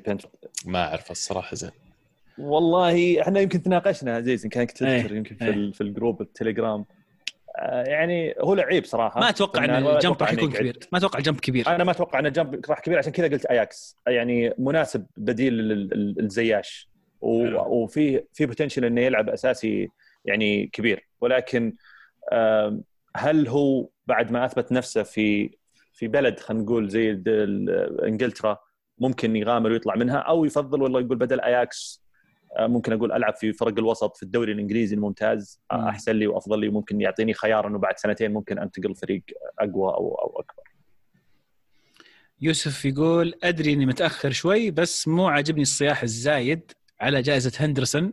يعني لو أخذ الجائزة اللي من الاتحاد كان صح ممكن أتقبل الصياح. بس هي جائزة مو مهمة وأكبر دليل إن الموسم الماضي اللي اللي فان دايك كان من الثلاثة مرشحين للكرة الذهبية أخذها ستيرلينج. وجهة نظر. شوف شوف وجهة نظر. بس يعني إذا هي جائزة غير مهمة خلاص مش فارقة معك أجل خلينا نصيح عليها. صح. سوي لك إزعاج في ال timeline عمر يقول بطل أسبوع خيسوس بطل أسبوع باران. والله مو بنا ذا يعني. هدف الأسبوع هدف ميسي على نابولي خصوصا تمويهه لمانولاس مانولاس ميسي طاح وقام طاح وقام؟ إيه، ما ما أتوقع تمويه أتوقع صدق طاح وقام يعني. بس اللي عجبني اللي عجبني في الهدف وقفة سواريز وهذا أكثر شيء يعني شد نظري في المباراة يمكن كلها انه كيف منظومة برشلونة تشتغل لصالح ميسي. سواريز لاعب فنان وأنا ما عندي أي شك لو في أي نادي ثاني نفس اللقطة ما يخلي الكره مستحيل يخلي الكره لكن ميسي ماخذ الكره ويركض فيها وميسي واضح إنه مو 100% تحت تحكم الكره يطيح ويقوم يطيح ويقوم وهو واقف سواريز في مكانه بعد عن الكورة أقرب للكورة هو من ميسي خلاها. خلى ميسي يكمل الفيلم اللي قاعد يسويه حقه. ليش؟ لأنه يعرف ميسي لأنه يتدرب معاه كل يوم لأنه يعرف ذا اللاعب شو ممكن يطلع منه. فيعني آه، برشلونة استفادوا كثير من وجود لاعب مثل الفترة الماضية ويمكن معاناتهم الفترة الماضية ترى السنة هذه بالذات لأن سواريز شوية بدأ يطلع خارج الفورمة إصاباته بدأت تكثر كبر اللاعب أكثر. يبينهم يدورون لهم واحد فعلا يقدر يسوي support لميسي قد يكون هو موجود فرانكي دي يونغ دريز يقول من تشوفون أنسب لتشيلسي؟ جون ستونز. لويس دانك أو ديكلان رايس. غير ديكلان رايس وسط. يعني ما أدري إذا تسألني وش يبي لهم يبي لهم قلب دفاع أكيد. كل الأندية في العالم أتوقع at this point يبغى لهم قلب دفاع. آه، جون ستونز مشكلتي معه ان راتبه بيصير عالي كويس وكذا بس منفوخ ترى. إيه. آه، دا- دانك يعني قاعد يلعب في نادي صغير نسبيا الظاهر هو حق هدرسفيلد إذا ما غلطان لا مو هدرسفيلد آه، آه شو اسمه؟ راح اسمهم عن بالي الزبده دانك يعني لاعب fantasy قاعد يسجل لك points وغيره. إي بس إنه مو معناته إنه ينفع يروح لنادي يبي top four يبي Champions League فبيكون عادي. أعتقد انه بشكل عام الأندية هذه كلها اللي تبغى مدافعين أفضل شيء اذا develop مدافعين داخليا من عندهم أو يجيبون واحد عمره 17 18 عنده ال qualities والأشياء اللي تدل إنه ممكن يصير لاعب كبير وتبنيه من الصفر. يعني هذا الطريقة الوحيدة اليوم اللي أنا أشوف ممكن تطلع بمدافع صاحي. عمار يقول لو برشلونة أخذ الأبطال هل آرثر بيتوج معهم وش يكون موقفه وقتها؟ صدق. يقولون مكروش من النادي صح؟ يقولون اي جاء يحضر. في الملعب هم ما رضوا يدخلونها هم إي ما رضوا يدخلون الملعب يعني ما أدري تكلمنا في الحلقة الماضية عن عن قرار آرثر وتصرف آرثر حاليا لكن أتوقع إنه هو أكثر واحد ما يبي برشلونة يفوزون بال Champions أتوقع ما يتوج معهم لأن أتوقع برشلونة بيسوون كل شيء في قدرتهم إنهم يخلونه ما يتوج معهم، لكن قوانين اليويفا حسب فهمي انه إذا لعب لو دقيقة في ال Champions League طول هذه يستحق ميدالية. صح. يعني يمكن هو يلقى له مدخل انه غصب عنهم يدخل ويتوج معهم، طبعا هذا كله إذا فاز برشلونة. عبد الله يقول رجعت أخبار إن برشلونة يبي يتعاقد مع برناردو سيلفا من جديد إيش رأيكم في الصفقة؟ عن نفسي أشوف لاعب top ورائع لكن ما له مكان مع البرشا. لا بيلعب أساسي لو يروح لهم، فنان مرة مرة فنان. بيلعب أساسي ولا أتوقع إن أصلا جوارديولا بيخليه. سيرجيو يقول هل تشوفون البايرن المرشح الأول للأبطال؟ أنا إيه أنا إيه. يعني. عبد الله آه صعبة بس أبى أقول لا. لازم أسألك مين المرشح الأول؟ انت خفت إنك تسألني الصراحة يعني ما أدري أحس إن السيتي ولا برشلونة أقرب لأن عندهم اللاعبين اللي ممكن يشطحون. ليفندوفسكي صح فنان لكن يعتمد بشكل كبير على ال service اللي يجيه من الوسط والدفاع. أنا ما أدري يعني وش قدرة البايرن إنهم يعطون بايرن يعني ما هو بحد ثاني مرشح عندك. يعني مو مو بثاني عندي ال tier الأول اللي أنا لو براهن على واحد منهم يفوز أتوقع السيتي ولا برشلونة يجي ال tier اللي بعدهم بايرن. okay. يقول أيضا يا ريت توصلون تحياتي من منبركم العظيم للفذ ومستقبل الدفاع. رافائيل فاران بطل أسبوع بلا شك فاران الله يسعده وبصل أسبوع أيضا فاران. حرام والله. طبعا هو سيرجيو أنا- يعني كان اجويرو يعني بس تكون في الصورة. إيه. أنا ما حطيت ترى ما حطيته بصل الأسبوع بالعنيه لأنه حرام آه، يعني أظلم اللاعب هذا اللي معي من مواسم كثيرة ولا عمري قد شفت عليه هذا ال ال ال الأخطاء أو ما عمري قد شفت منه خطأ زي هذا. ممكن يكلفك مباراة أو يكلفك هدف. وفي مباراة واحدة يعني تصير. آه، okay هي أخطاء يعني ما يسويها أي مدافع مبتدئ ولكنها آه، صارت وراحت. فحرام إني اظلمه عشان كذا هو. بطل الأسبوع وليس بطل الموسم آه، بصل الأسبوع ليس بصل الموسم. حتى لو طلع بس ما لاحظت شيء عزيز. وشجع و... عذرهم الراموس أسمن من عذرهم الفران يا أخي. إيه. والله صدق يعني راموس ما رضوا وما يرضون عليه حتى بس فران okay أخطأ ومعليش وكذا وخلاص ونشفى لكن راموس ما يرضى حتى يقول لك إنه خطأ. لا يعني هو تعرف يعني أخي. ما أعطيته ما أعطيته بصل أسبوع وش أكثر من كذا؟ ما أعطيت راموس بطل الأسبوع. طيب ليش؟ ليش تعطي فران؟ فران على الأقل حاضر قاعد يلعب.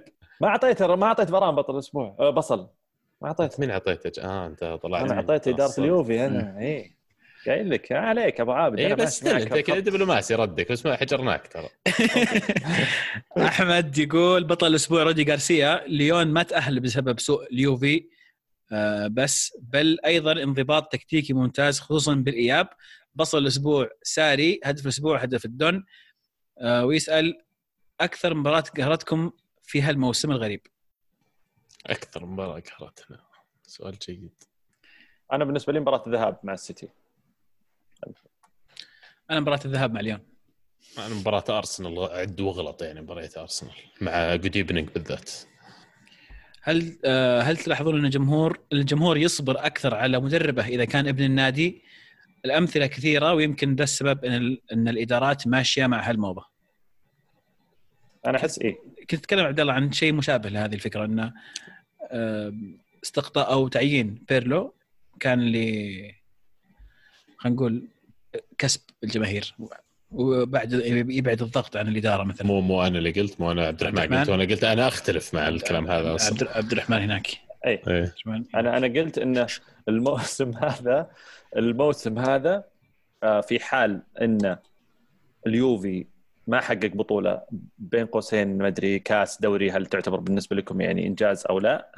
آه، الجمهور ممكن يتعاطف مع الفريق ولا يصير فيه هجوم كبير خصوصا انه ممكن في potential للفريق إنه ممكن يتطور وقاعد يمشي صح أو قاعد يمشي في الطريق الصح. جميل كذا نكون خلصنا من هاشتاج الكرة معنا. شكرا لكل من شاركنا على الهاشتاج شاركونا أيضا الأسبوع القادم على الكرة underscore معنا في أسئلة بعضها للمهند راح نأجلها إن شاء الله الأسبوع الجاي تخص مانشستر يونايتد. بالذات إنه يعني آه، يعني نعطيه فرصة يتكلم عن البطولة اللي شارك فيها فريقه ناسي شو اسمها البطولة لكن زي ما زي ما قلنا ما راح نتكلم عنها في هذه الحلقة. يعطيكم العافية جميعا ولا تنسون تتابعون آه، جميع حساباتنا على شبكات التواصل الاجتماعي. تابعونا على آه، تويتر SoundCloud iTunes Google Podcast يوتيوب ادخلوا على اليوتيوب اشتركوا في القناة ترى نستفيد من جميع الاشتراكات من جميع التعليقات آه، من اللايكات شغلوا التنبيهات عشان تجيكم حلقاتنا أول بأول.